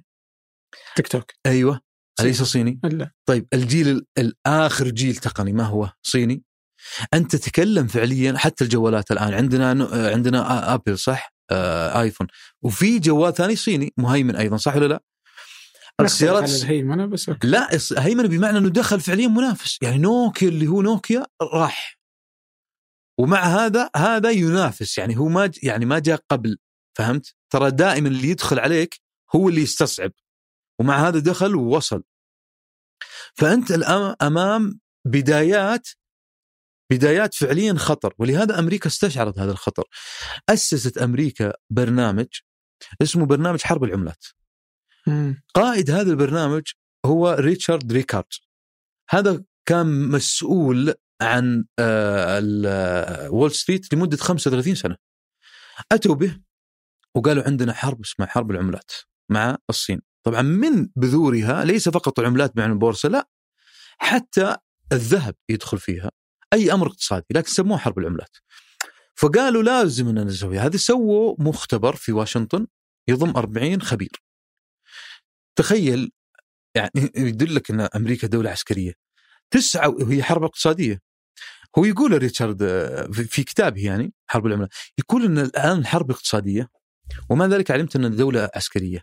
يقول اللجنة 40 39 عسكري وأنا الوحيد اقتصادي. مع إن الحرب اقتصادية. يقول فأخبرتهم قلت ما يستقيم هذا الوضع لابد إن يكون عندي خبراء.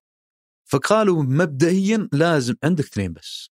فقط فاخذت واحد له 40 سنة في الاقتصاد الروسي وواحد له 40 سنة في الاقتصاد الصيني يعني من باب إنهم يغنوني عن فريق كامل الفكرة هنا وهذا هذا هو مربط الفرس الذي يريد أو الذي أستشهد بريكارز من أجله هي أنه رأى أن حتى الاقتصاد سينمو في الصين بسبب نمو ثقافتها المبنية على أيضا نمو اللغة الصينية. مم. نعم وهو اقتصادي كما قلت لك. يعني هي سلسلة تنمي اللغة معنى ذلك أنك تنمي الثقافة معنى ذلك أنك تنمي الاقتصاد وباقي القوى الناعمة. وهذا هذا هذا التسلسل يجب أن يكون في استراتيجية أي دولة تريد أن تسيطر. القوه الناعمة من اساسياتها ولهذا حتى جوزيف ناي القوه الناعمة يجب أن يكون من اساسياتها هي اللغة. يعني اللغة أساس في القوه الناعمة. أنا كيف أسيطر عليك؟ إلا لما أسيطر على مفرداتك. أنا لا شعوريا أبث كلمات إنجليزية. طبعا أنا أعرف ان لها علاقة بال... بال... بالدماغ ولكن بشكل عام تجدني أفاخر إني أنا عندي ثقافة إنجليزية. مثلا من الممكن أن تفاخر إن عندك نتفلكس بس يمكن تستحي تقول قاعد أشوف قناه ذكريات مع احترامي مع أو شاهد. قناه أي قناتي المفضلة لكن أقصد من الممكن أن ثقافيا يعني. لكن تشعر بالابتهاج أنا أشوف مسلسلي اللي في نتفلكس تشعر أنا أشرب قهوة أمريكي. أنا عارف هذه هل مسيطر علينا الحين امريكيا؟ أمريكا مسيطرة على العالم شئنا أم أبينا. ولكن نتحدث عن من سينافسها وبدأ اقتصاديا ولا لغويا؟ لا اقتصاديا ولكن لها أدوات طبعا اقتصادية. هي الآن حرب حرب اقتصادية وعسكرية بدون شك. ولكن لها أدوات من أدواتها اللغة. بدون شك وكما قلت لك اللغة الصينية الآن وصلت إلى المدارس السعودية وهي قلب الجزيرة كما قلت مم. فهذه وصلت إلينا التقنيات الصينية الآن لا تتوقع أنها ستكون آه أنها ستكون يعني بعيدة عن توزيع أو عن نشر اللغة الصينية. هنا في السعودية في مراكز تعمل مع ال تعمل مع ال في اللغة الصينية، مم. بعثات في الصين لا حصر لها، صحيح. الشركات الصينية إي لا لا بس إن هذه تلقاها محدودة يعني إن الصين صحيح ممكن إنها تتمدد ولكنها محدودة في انها تعاملات والتعاملات مع الآخرين وتعرف على لغاتهم وثقافاتهم هذا عادي بسيط يعني بس- أمر بس كم عمرها؟ إنساني. كم كم الع- العادي لكن الفرق. بينها وبين الإنجليزي إنه متمكن منك لأن الإنجليزي أو طويل الأمد معي صداقتي معه قديمة من أيام الاستعمار فطبيعي واحد له 100 150 100 200 سنة معي. ما هو مثل واحد له 10 سنوات أوكي ولكن تشوف اللي له 10 سنوات وصل إلى مدرستي. okay اللي له 10 سنوات وصل إلى جيبي. فهذا معناه إنه قاعد يختصر اللي اللي ما قدر يسويه هذاك في 200 سنة قاعد يسويه هذا ب 10 20 سنة. okay وهنا الإشكال. الحين أنت تقول إن إن الإقناع هو وجه آخر للدكتاتورية. فهل أنت الحين تمارس دكتاتوريه علي؟ الظاهر. إيش تقصد؟ ليش شلون يعني انه كل إنه وجه آخر للدكتاتورية؟ يعني ببساطة يعني آه، يعني إذا كنت مثلا عندي قدرة على على هذه ال- ال- الحجاج إيه. وعندي قدرة أني اتملكك فأنا قاعد أسيطر عليك.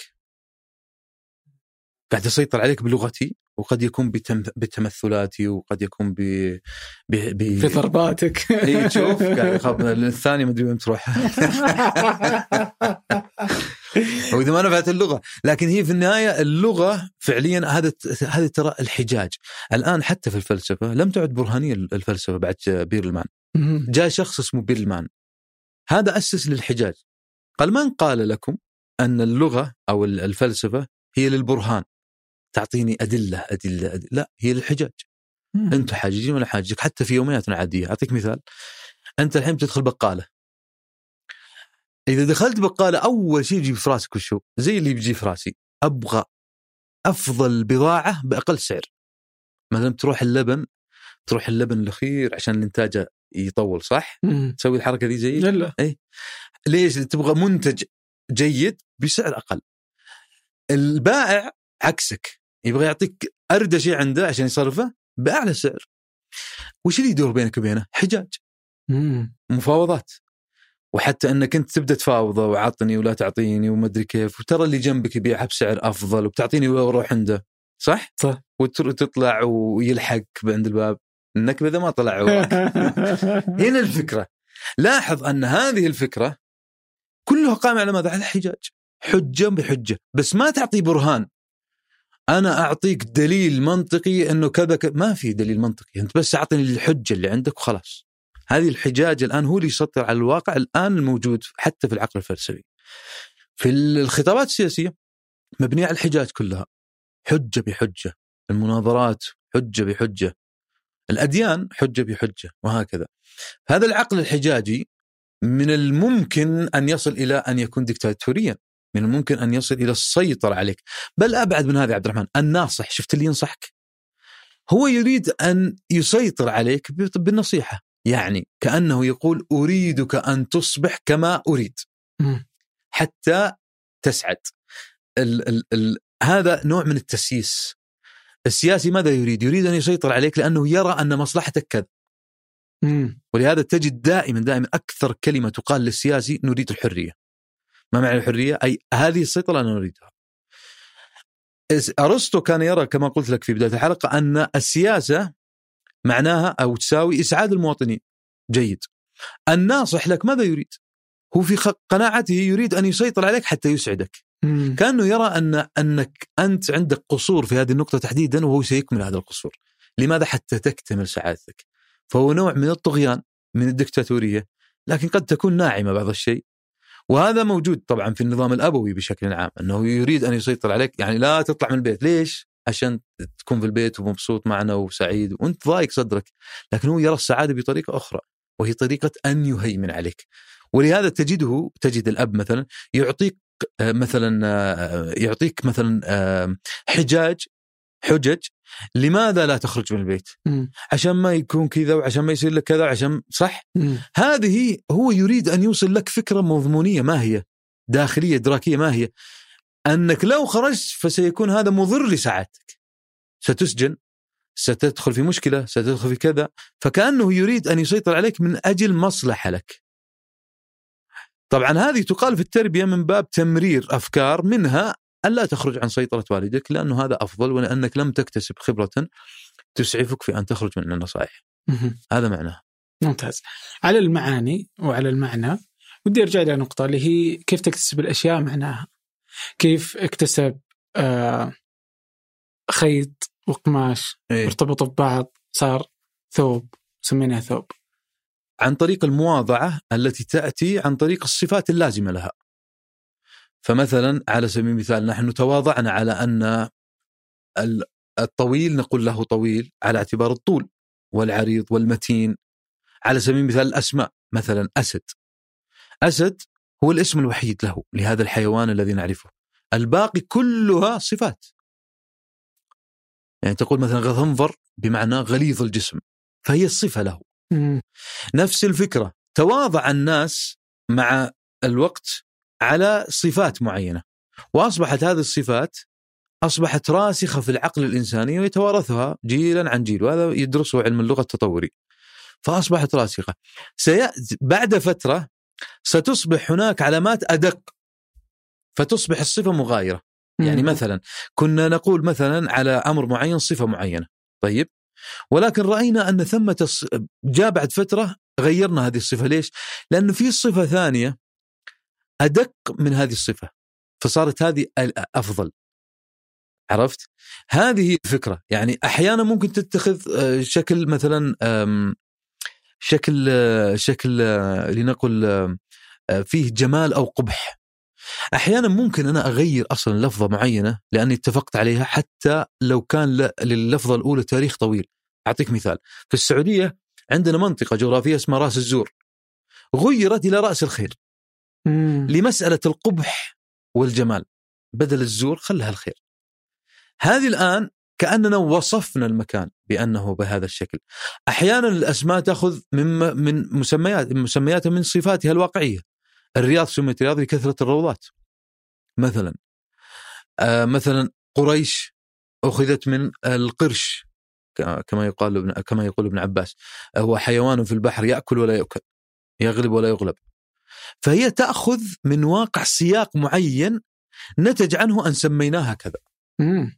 يعني كل اسم كل دلالة كل لفظ له تاريخ طب إذا برجع إلى إذا أنت مثلا في آه، مثال الأسد انت واضح الصفات مم. بس الأسد من وين اكتسب أسد؟ هذه يعني مثلا من ال ال في اللغة القديمة وحتى في عند العرب وحتى إلى يومنا أن ثمة أمور كما يقول بالنص سقراط في كراتيليوس وحتى أيده افلاطون أن ثمة أمور فوق قدراتنا كالبشرية. ما ما نعرفها هذه ترجع لله يعني الآن افلاطون صرح في المحاورة نفسها أنها تعود إلى أمرين.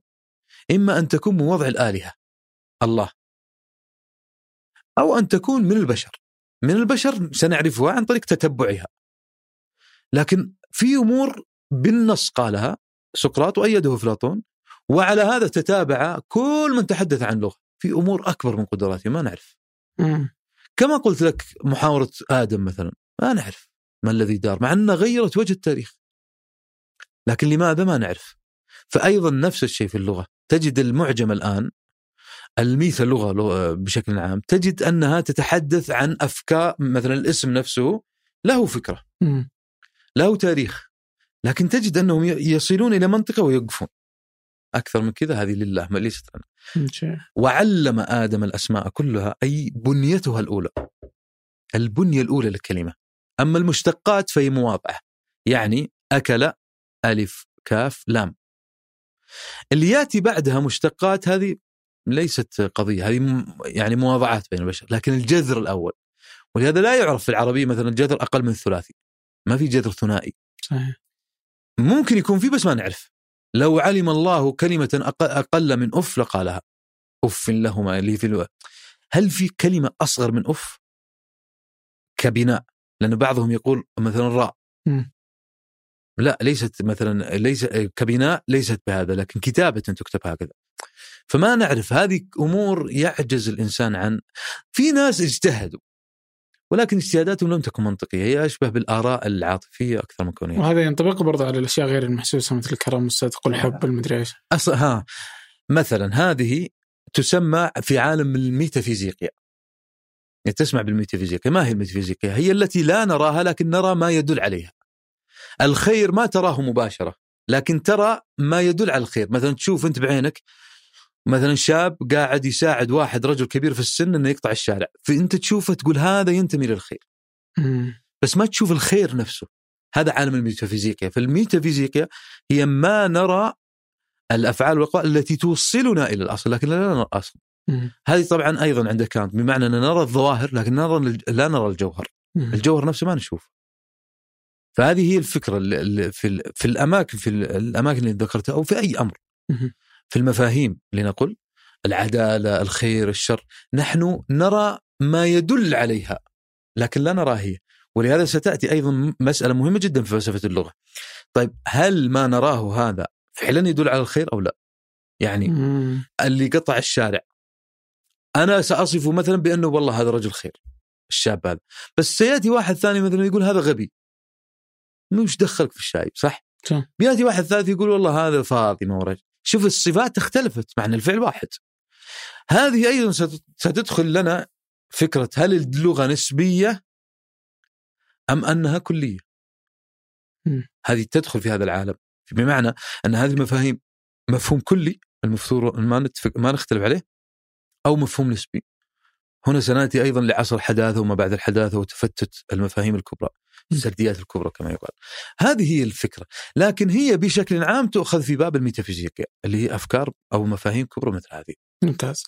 وأنت تقول إنه آه، الفكرة من إنتاج اللغة هي السيطرة على الآخرين. في النصيحة. في النصيحة. النصيحة أنت كأنك تبغى تسيطر على الآخر ولكن من الممكن أن تسيطر عليهم أيضا في الحجة. الحجة هي رغبة في أني أنا أعتلي الآخر عن طريق حجتي فأقنع الآخر بما أريد فاصبح للمعلومية بهذا الشكل تتكون التيارات الفكرية كيف تتكون؟ يأتي مثلا طارق ويخرج عن السائد ويؤسس أفكار معينة ينجذب لها عبد الرحمن، ينجذب لها خالد، ينجذب لها تركي و و إلى آخره يبدون أتباع بالنسبة لي، كيف أقنعهم؟ بحجج. هذه الحجج تدخل إلى إدراكاتهم وتبدأ وتبدأ بعمليات ذهنية تنتج الواقع. يبدأ مثلا عبد الرحمن حتى يبرز في التيار ويأتي بأفكار جديدة أنا أرى أنها مناسبة فأمررها. فتتوسع النظرية، التيار يتوسع، من هنا تأتي فكرة التيارات وتوسعاتها التي تصل أحيانا إلى النقيض تجد التيار الآن ليس هو بعد قبل مئة سنة مناقض تماما لأن كلها تتوسع. البنية الأولى لهذا التيار ما هي؟ السيطرة على الآخر. بما أن هذه هي البنية الأولية التي بني عليها التيار فمعنى ذلك قطعا لن يكون له قاعدة معينة. لأن القاعدة براغماتية عملية كيف أسيطر؟ ولهذا تجد مثلا التيارات الأيديولوجية ليست ليست كسابقتها. حتى أن ماركس نفسه يقول عن تياري أنه هذه ماركسية لا أعرفها. وهو ماركس. هو نفسه يقول ما أعرف هذه. مثلا. لما تأخذ مثلا التيارات الإسلامية نفس الفكرة. ليست هي التيارات الإسلامية قبل 100 سنة.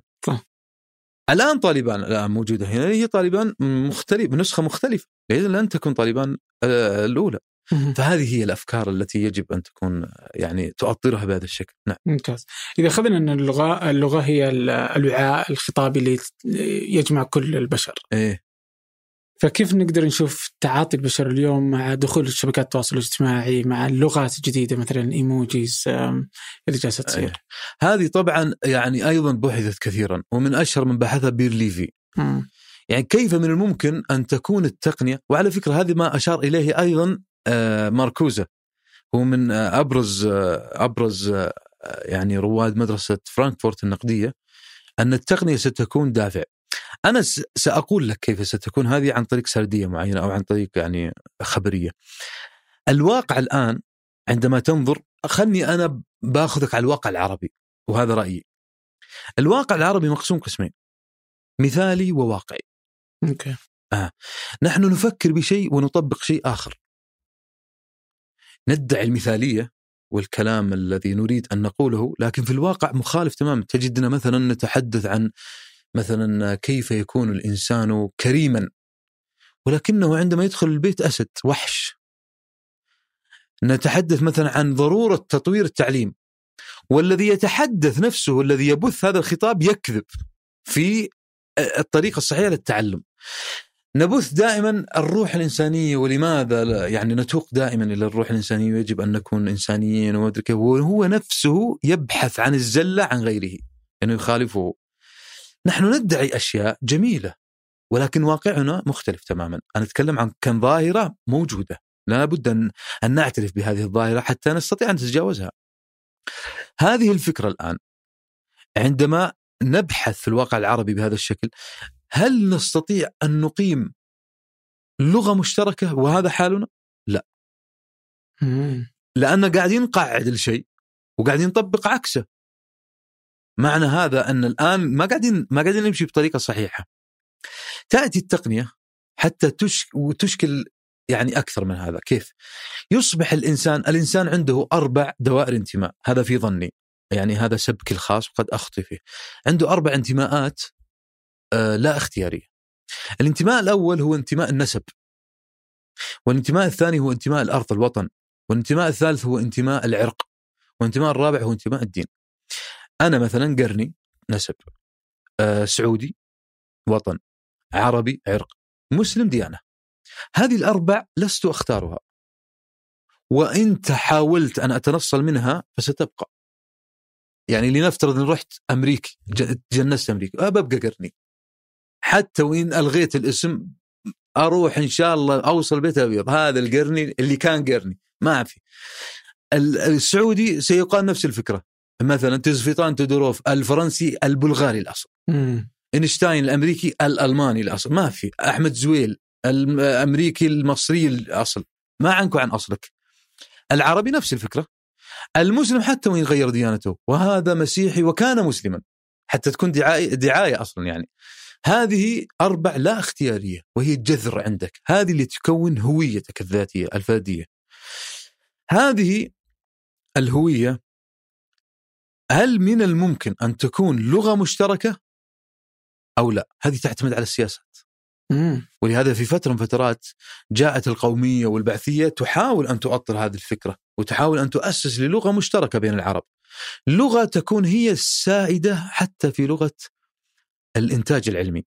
حتى حتى تعريب بعض العلوم كالطب في بلاد الشام مثلا هي محاولة لتأطير هذا ال هذا ال هذا الأمر. مع التقنية أصبح الأمر منكسرا. ما صرت تص- ما ما صرت تقدر على هذا الأمر. فصار الآن في مبادئ أخرى غير الأربع هذه.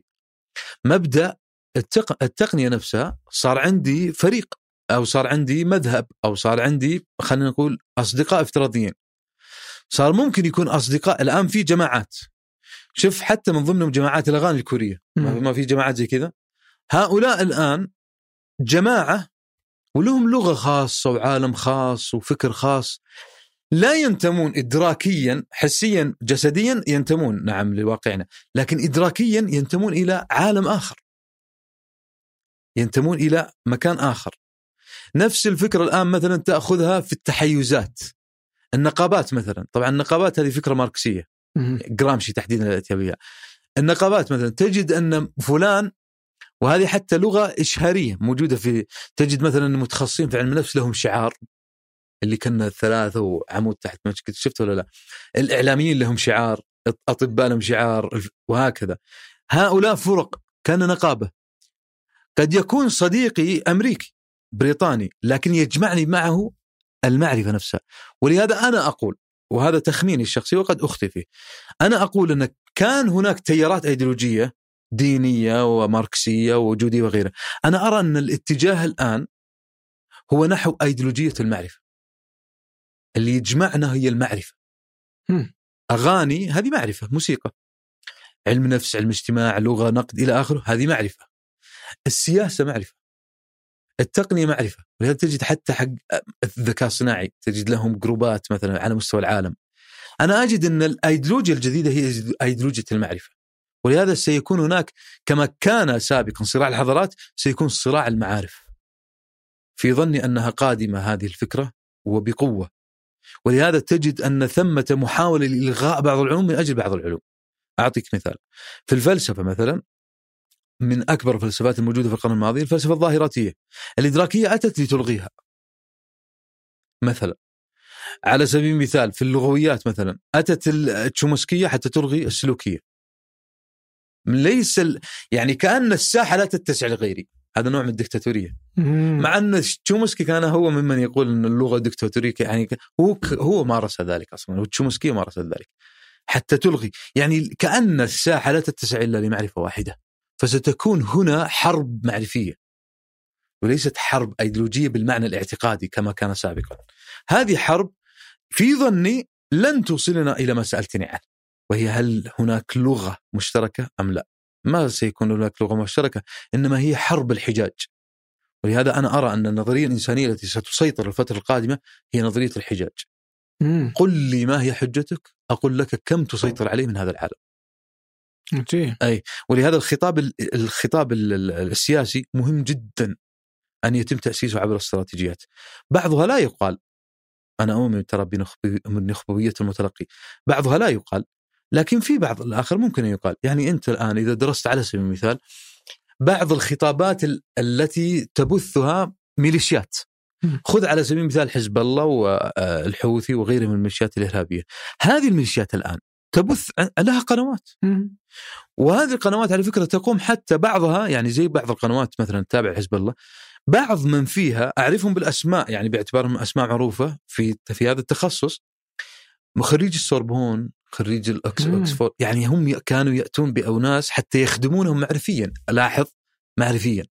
يعني أنت الآن ايديولوجيا المعرفة. كيف أحلل الخطاب ومن خلاله أستطيع أن أسيطر عليك. هذه الخطابات أنا أدعو حقيقة الداخل السعودي والعربي بشكل عام أن يهتم بها. لأنك إذا حللت خطابك فأنا حللت وعيك فمعنى ذلك أنني أعرف أين هو حدود فضائك الذهني وأين ستتجه. okay. وهذه غير موجودة للأسف الشديد. إلى الآن بالشكل المطلوب. إلى الدراسات بالإجمال يعني هي مسألة آه، يعني مهمة إنه يكون في إنتاج آه، صحيح. معرفي تدري وش يهمني؟ يهمني فعليا فعليا أن تكون هذه استراتيجيات بيد المسؤول نفسه. مم. سواء كان المسؤول السياسي، المسؤول التربوي، المسؤول حتى الأب. أعطيه هذه الاستراتيجيات، ترى هذه القناة مثلا تهدف لكذا،. ترى هذا الواقع يهدف لكذا، ولهذا مفيد جدا مثلا على مستوى ال- الأسرة أن تكون الأم عاملة. حتى يعني ليش؟ في تناقض أصلا تدري عندنا تناقض في التربية، الرجل يقول للمرأة ربي أبنائك. ومحشوره في أربع جدران ويبغاها تربي واحد متفلت 24 ساعة في الشارع. آه. كيف؟ هل لا يمكن تستقيم؟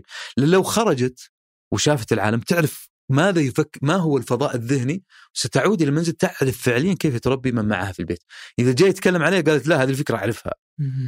ولهذا مهم جدا هذا الأمر وهذا أمر يعني شائع حتى في الثقافة العربية أن المرأة كانت يعني تخرج.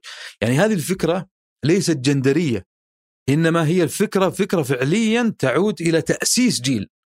هذا الجيل سيكون قادرا فعليا على أن يعرف أين سيذهب؟ أين سيتجه؟ ال ال ال ال ال الواقع الآن لا في في في ضبابية في هذه المسألة، ليش؟ لأن في خطابات مقصوصة، يعني نقول الاسره مثلا في مشكلة بين الأب والأم في هذه المسألة مثلا تحدثنا عنها وفي غيرها. هذا أنا اللي يهمني هو المسؤول. مم. المسؤول مهم جدا يفهم هذه الاستراتيجيات سواء كان زي ما قلت لك وزير مثلا عنده وزارة مهم جدا يفهم ما هو السياق الموجود في خطابات الناس حتى يكون بناء بناء قراراته على هذا الأمر ال- القضاء الجهات الأمنية أعرف فعليا إلى أين يتجه هذا الفكر حتى أستطيع ان أن أجعل هناك استراتيجيات معينة أستطيع من خلالها أن أفكر لاحظ كما قلت آه، قبل قليل حرب العملات اعتمدوا حتى على اللغة حتى يعرفوا وول ستريت أين ستذهب أين. ستكون مثلا غزو العراق من ال... كيف حل؟ حل عن طريق تحليل خطابات بوش. حل يعني بوش واجه مشكلة من 2003 ل 2005 وقضاياه رايح جاي رايح جاي على البيت الأبيض والكونغرس ومجلس الشيوخ.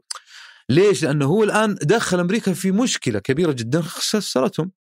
فكان مستنده أتى بمجموعة من اللسانيين ومن محللي الخطاب وقال حللوا خطاباتي، أنا هل تشير إلى أنني أدعو لحرب ولا لا؟ فحللوا الخطابات فقال هو قاعد ينفذ ما أتت به المخابرات الأمريكية وما أتت به كثير من الجهات العالمية ومنها البريطانية وغيرها. فهو ما قال هذا الأمر. لاحظ اللي أنقذه ماذا؟ تحليل الخطاب. أنت الآن تتكلم عن دولة عميقة بوش وديك تشيني لكن في النهاية هذه فكرة مهمة جدا ولذا حتى ديك تشيني عنده آه، في سيرته آه، عندما عندما جاء مثلا آه، أوباما أراد ان تعرف أراد أن آه، وهذه عادة الديمقراطيين أراد أن يعني آه، يبرز نفسه فقال سأغلق جوانتنامو سأغلق سأسحب مم. جنودا من أفغانستان. فجاء ديك تشيني ديك تشيني من أقوى الرجال في أمريكا. يعني إذا إذا ذكرته هو وذكرت مثلا هنري كيسنجر وزبيغنيو بريجنسكي يعني أنت تتكلم عن أسماء ثقيلة جدا. فقال ستغلق أمريكا آه، ستغلق آه، جوانتنامو لماذا؟ طبعا هو صاحب جوانتنامو هو اللي مأجرها على الحكومة الفرنس الأمريكية ب 300 مليون كل شهر كل سنة غير العوائد الثانية تصل إلى مليار. فقال ليش بتسكر جوانتنامو؟ قال لأن كذا حقوق إنسان قال طيب 300 مليون ستدفع لي؟ قال خلاص سنترك آه، جوانتنامو قال لا بس قال لكن سنسحب قواتنا من أفغانستان قال ومن يغذي جوانتنامو؟ من وين لي زباين؟ ها آه. أنت الآن تتكلم عن استراتيجية قامت على ماذا؟ أيضا على خطابه لأن هي أصلا كلام أوباما كله على ماذا؟ على خطابه هي التي استفزت ديك تشيني وجعلته يفهم فكرة فكرة أوباما واستراتيجية عن طريق اللغة التي يبثها. من هنا جاء وأسس آه، كينو جيبسون آه، هذه الفكرة، فكرة أن هذه الخطابات هي هي التي فعليا تصنع السياسة وتصنع الاستراتيجية المستقبلية. طيب على الدراسات أنا ودي أفهم أنت طلبت مرة من المتخصصين في اللسانيات في السعودية أنهم يفهموا ويبحثوا في مسألة اللغات الهجينة اللي هي مثلا البنغالي أيه. أو الهندي أنت كيف روح؟ أنا أيه. أحب أنت. يعني صحيح. وانت ماشي. مهم. وش وش وش الداعي في الأهمية؟ وش الفائده منها؟ حتى تعرف سيروره اللغة أين ستتجه؟ يعني أنت الآن هذه اللغات مثلا الهجينة هي التي انتجت لنا ابن كلب أبو كلب مثلا أو انتجت لنا بعض الكلمات المقطعة يعني اللي موجودة الآن في سياقاتنا التداولية. فأنت هنا ستفهم استراتيجية اللغة المتداولة. ما زلت أراهن أن من يفهم استراتيجيات اللغة بهذا الشكل سيفهم الواقع الإدراكي للناس. من هنا سيستطيع فعلا أن يفهم المجتمع كيف سيتكون وإلى أين سيتجه.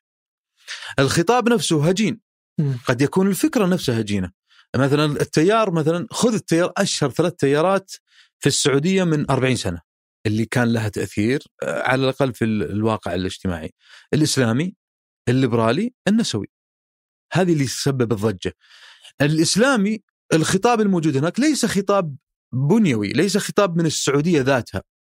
هو خطاب من مثلا من جماعة الإخوان المسلمين اللي في مصر والتي تشكلت أيضا بروابط من الهند، اذا ليس خطاب محلي بالمعنى البنيوي.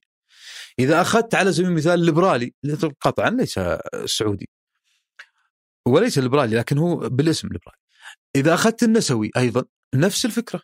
ليس. اذا أنت الآن أمام خطابات تسقط تسق... يعني مستورد. أيوه مستورده هذا الاستيراد يجب أن تفهمه جيدا حتى تعرف إلى أين سيتجه. مم. يعني لو حللت فعليا التيارات الإسلامية كان كنا سنعرف انها ستتجه إلى هذه الطريقة إلى العنف. هي بدأت بصلوا واذكر الله وأذكار الصباح والمساء حلوة هذه كلنا نبغاها يعني ما ما فيها إشكال. بس في الأخير اتجهت إلى درجة أنها تنظم تنظم غرفة نومك.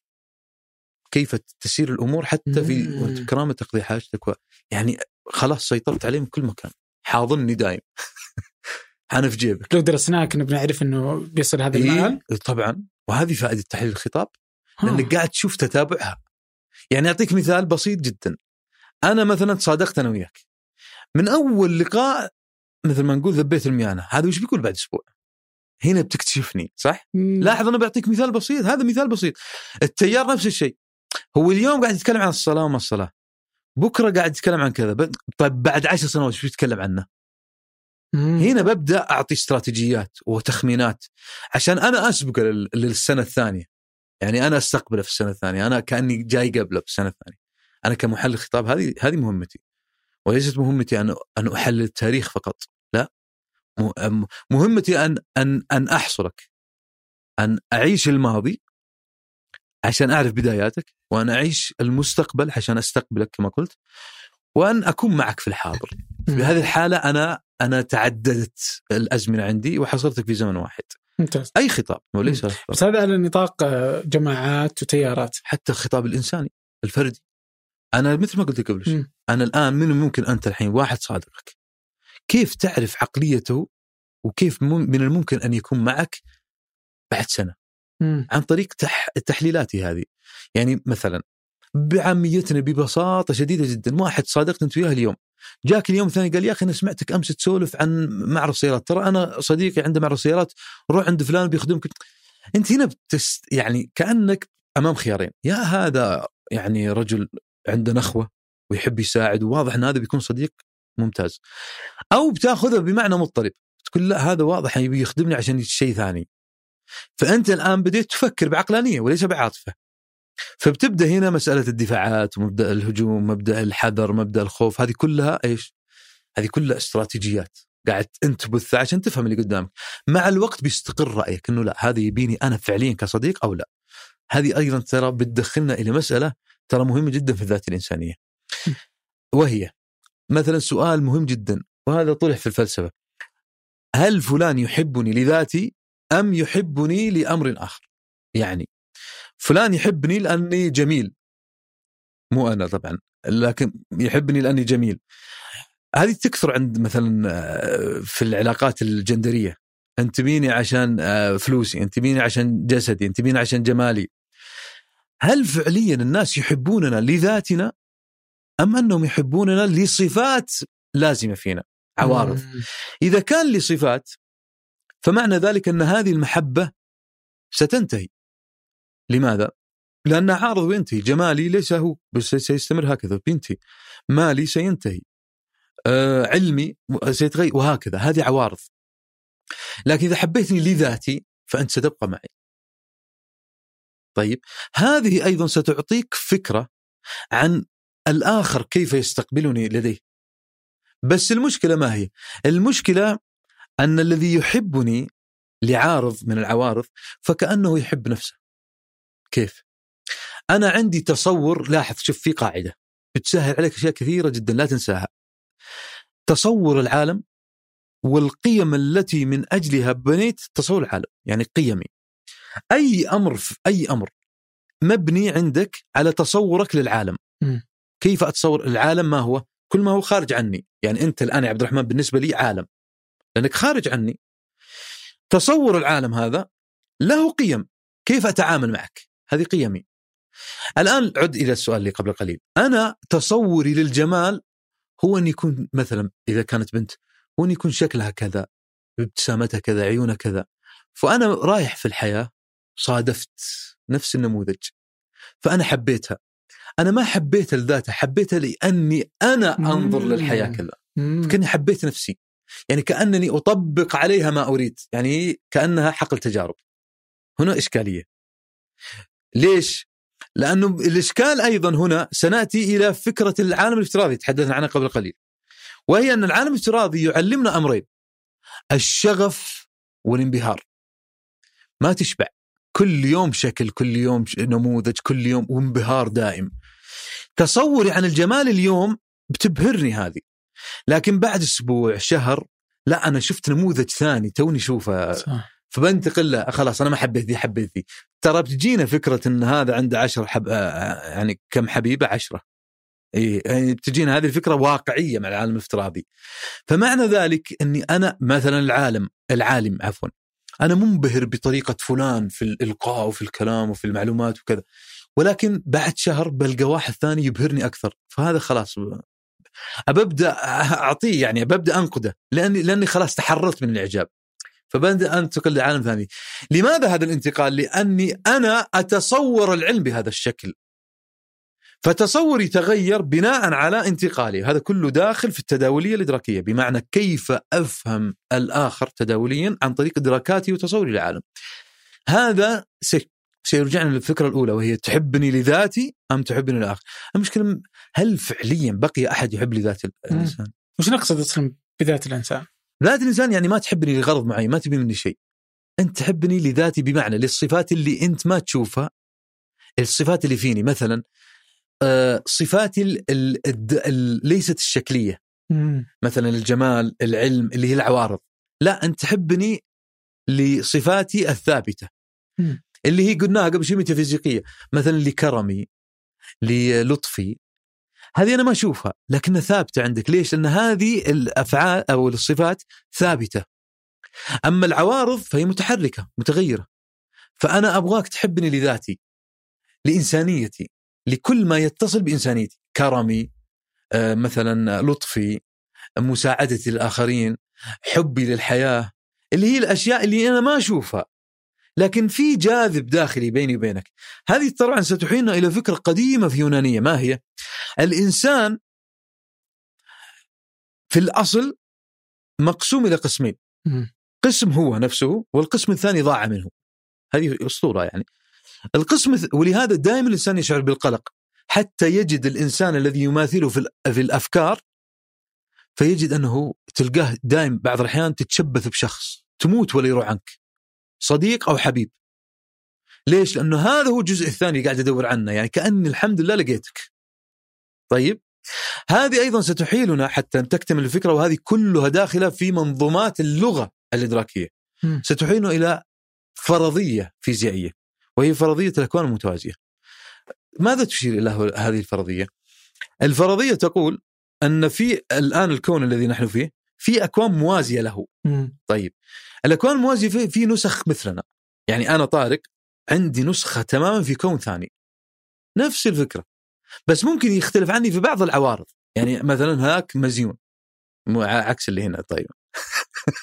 مثلا. طيب. هذه الفكرة الآن. لكن ال- الثوابت اللي جوا نفسها. طبعا دخلوا هنا علم النفس. دخل في في هذه. ما الذي قاله مثلا في التحليل النفسي؟ قالوا أن هذا قد يفسر لنا سبب أن الإنسان يشعر بمشاعر لا يعرف سببها، يعني أنت الآن ما تصير لنا كلنا زعلان طفشان، ليش؟ ما أدري، كل شيء تمام بس ما أدري ليش زعلان.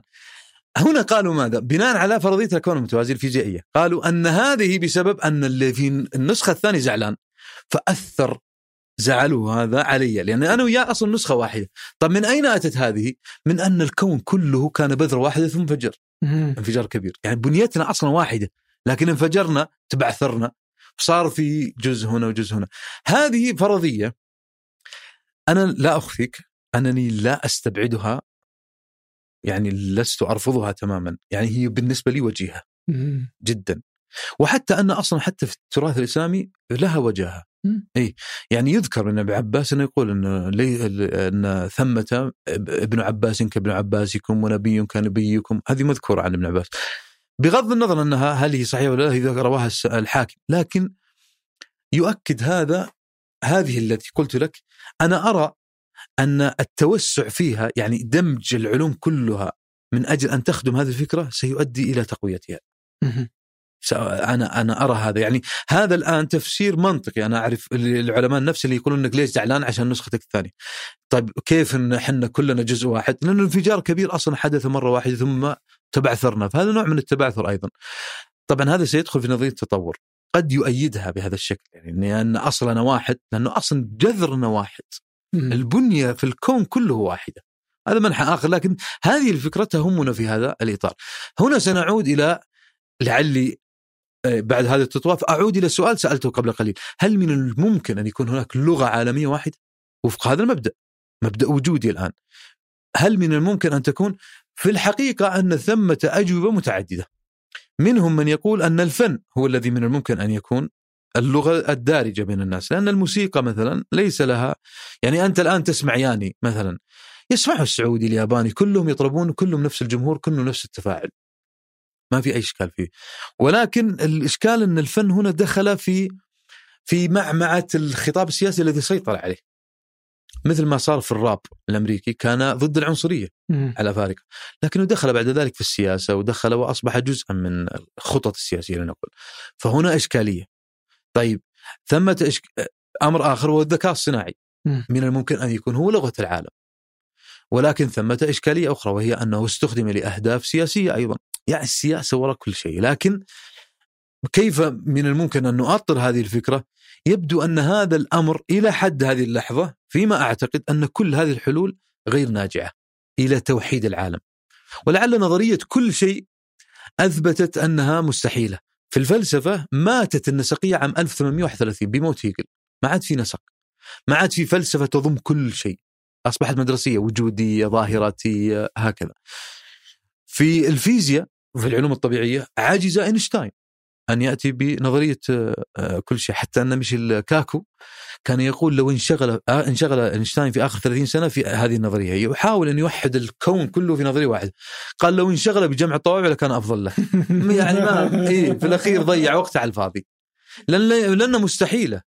أيضا في اللغة نفس الشيء. النحو الكلي التشومسكي أول من انقلب عليه طلاب. جاكندوف كان خجولا. أما جورج لايكوف فكان صريحا وخرج عن عن مساره. فيبدو أنها مستحيلة مسألة توحيد العالم أو العولمة هذه يبدو أنها مستحيلة إلا في الصورة. آه. الصورة فقط. يعني مثلا تروح دبي. كمنطقة قريبه منا تروح دبي. ما تفرق بينها وبين مثلا كوالالمبور. مثلا. هذه الصورة هي التي من الممكن ان ان أن تقول إنها صحيحة. مفهوم السياحة صورة. أن ترى مثلا مجموعة ترى مكان مثلا تقول هذا واضح انه سياحة هنا أماكن مختلفة. فهذه الصورة هي التي ستحيل العالم إلى لغة واحدة. اعداها مستحيل. الصورة فقط. مم. هنا تأتي لمدركات أنا أرى أن هذه الصورة هي التي ستجعل يعني هذا تخمين شخصي هي التي ستجعل الرسم هو لغة العالم. مم. اي لأنها الصورة ولكن الرسم يدوي إنساني. لكن الصورة هذه الكاميرا من الممكن التلاعب بها. يعني الصور التي مثلا مثلا على سبيل المثال صورة الم- الموناليز مثلا كم لها؟ أكثر من 500 سنة. وما زالت محتفظة بما هي؟ تراث إنساني. الصورة من الممكن التلاعب بها. من الممكن أن تمح من الممكن أن تزول التقنية. بعامل واحد رابط واحد إلى آخره. طبعا أنا أدري إن الصورة ممكن ان أن تنتهي لكن أتكلم عن محافظة عليها بمعنى أنها مرتبطة بصنع الإنسان نفسه بيده بخبرته بوعيه. أنا أظن أن الصورة ممثلة في الرسم هي التي ستكون مسيطرة على العالم. ولهذا لست أبالغ إن قلت أن اللوحات اللي تباع ب 100 مليون هي أمر طبيعي في عالمنا. ليس. لأهداف رأسمالية لا. إنما لانها هي فعليا التي تحاكي نظرية كل شيء. تصريحات خطيرة والله أبو سعد أين تشوف؟ آه. اليوم تمردت شوي. الله يعطيك العافية والله وأنا ودي أتمرد وأزيد في الوقت لكني يعني لازم أنهي هذه الحلقة هنا شرف. وأنا أحبك والله لكرمك في جيتك هذه ال- ال- الحلقة واعطيتنا هذا الوقت من من من وقتك. ولكرمك برضو في نشر العلم على قناتك وعلى حساباتك التواصل الاجتماعي. بارك. فالله يعطيك العافية. وأنا أشكرك والله يا عبد الرحمن وأشكر فريق الإعداد كاملا على هذا الاستضافة. ارجو أن أكون نافعا. نافعا بإذن الله. الله يسعدك رب. تسلم الله يحفظك شكرا عبد الوهاب. انتهينا؟ انتهينا. سليت تسمح لي سؤال أبو سعد. عيوني. آه، فلسفي كذا حبيت أشوف رأيك فيه اللي هو هو له علاقة باللغة يعني. اي تقول إن الناس إذا حبوا شخص مثلا إذا أنت احد أحد حبه إيه. يحبك دافعين يا ال- الصفات العاطفيه أو أنت. جوهرك صح أيوه طيب سالفة الذات هذه إيه. ما دام قلت إن آه كل شيء جاء من اللغة إيه. فأنا لما أقول لك شيء أنت غير لما بقول له أبو مالح صح. فابو مالح بيكون له نظره مختلفة عن نظره لي صحيح عندك فطبعا ما يعني تكون في العائله اصدقاء وما إلى ذلك. فين فين الذات؟ هل في ذات موضوعية؟ حيادية عن كل ما ينظر في بعيد عن اللي يشوفه عبد الرحمن. بعيد عن اللي يشوفه أنت؟ صعب. تدري أصعب شيء وشو في الحياة الآن؟ إنك تقول حيادية. مم. ما تقدر. ما صار في شيء اسمه حيادي. يعني فعليا فعليا في عصرنا الآن كيف تكون حيادي؟ هذه من أصعب الأمور. تدري في ناس ستيفن بينكر مثلا هو أستاذ علم النفس في هارفارد. والرجل حتى جلس يختبر هذه المس... الاخت... الأمور 21 سنة. وجد إنه في أشياء وهم. الحياد الحرية كله وهم. ما تستطيع. أنت قاعد تطبق اللي بداخلك على الخارج. ليش الآن دائما تسمع الدندنة على طول الأخلاق الأخلاق الأخلاق؟ إنه هذا هو اللي أقدر عليه. الأخلاق مثلا أنت الحين شوف في أشياء دقيقة. الأخلاق والقانون وش الفرق بينها؟ الأخلاق داخلية القانون خارجية. أنا ما أقدر أضبط الا بالقانون الأخلاق هذه لك أنت كيف تمارسها. فما تستطيع إنك تقول بحيادية. ولهذا الآن ويمكن تنصدم من هذه المدرسة الآن الاجتماعية تدري إيش طالب فيه؟ إنه يكون للإنسان ألف وجه مو وجه واحد. يقول لك بوجهين. اي يقول لك خطأ. أنت مع زميلك هنا لازم يكون لك وجه. مع والدك وجه ثاني. يناسب والدك مع حبيبتك وجه ثالث. مع مثلا آه، مثلا مع السياسي وجه رابع. مع إذا طلعت قدام الكاميرا وجه. بهذه الطريقة أنت بتصبح فعليا إنسان قادر على أنك تصل. قادر على أنك آه يعني يعني ما أقول تسيطر لكن قادر على أنك تكون متفاعل مع الناس بس اللي له وجه واحد ترى ما حد ما حد لا يمكن يعيش اجتماعيا هل هذا يعني بدون الناس الذات لا, لا وجود لها؟ لا وجود لها هذه الحقيقة آه. لكن وش معنى الآخر؟ هنا السؤال الآخر يعني عبد الرحمن الآن آخر بالنسبة لي صح؟ تدري عبد الرحمن هذا وشو؟ عبارة عن المجتمع في فرد قاعد يرسل لي المجتمع كله في شخص قاعد أشوف المجتمع في عبد الرحمن يعني مثل ما يقول فيلسوف شهير جدا في فرنسا اسمه جيل دولوز قال الآخر هو عبارة عن بنية من التفاعلات. مو بفرد واحد. عشان كذا لما لما مثلا حتى في ش- كبار السن وش يقولون؟ مثلا بتروح لنفترض مبتعث. يقول تراك انتبه تراك انت عن دينك وعن يعني ممثل لدينك وقبيلتك ومدري. فعليا انت تمثلهم. شخص واحد ممكن يكرهك بقبيله كاملة. يعني ليش؟ أنا القبيله ولا فكنا منها عشان شخص. يلا. لأنك فعليا مثلتهم. وبهذه الطريقة صار هذا حمولة. ترى هذا يحملك شيء أكبر. ممكن فلانة تكره الرجال بسببك.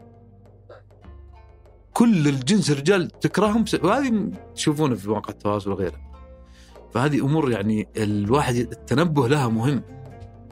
فكر فيها هذه خلاص. الله يسعد. خوشها كثير أكثر خويش. الله يوفقك. الله يسعد قلبك.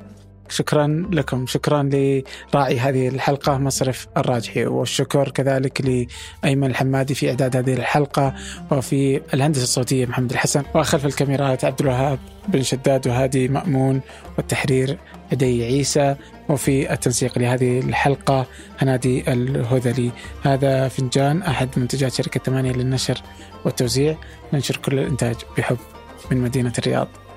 الأسبوع المقبل ألقاكم.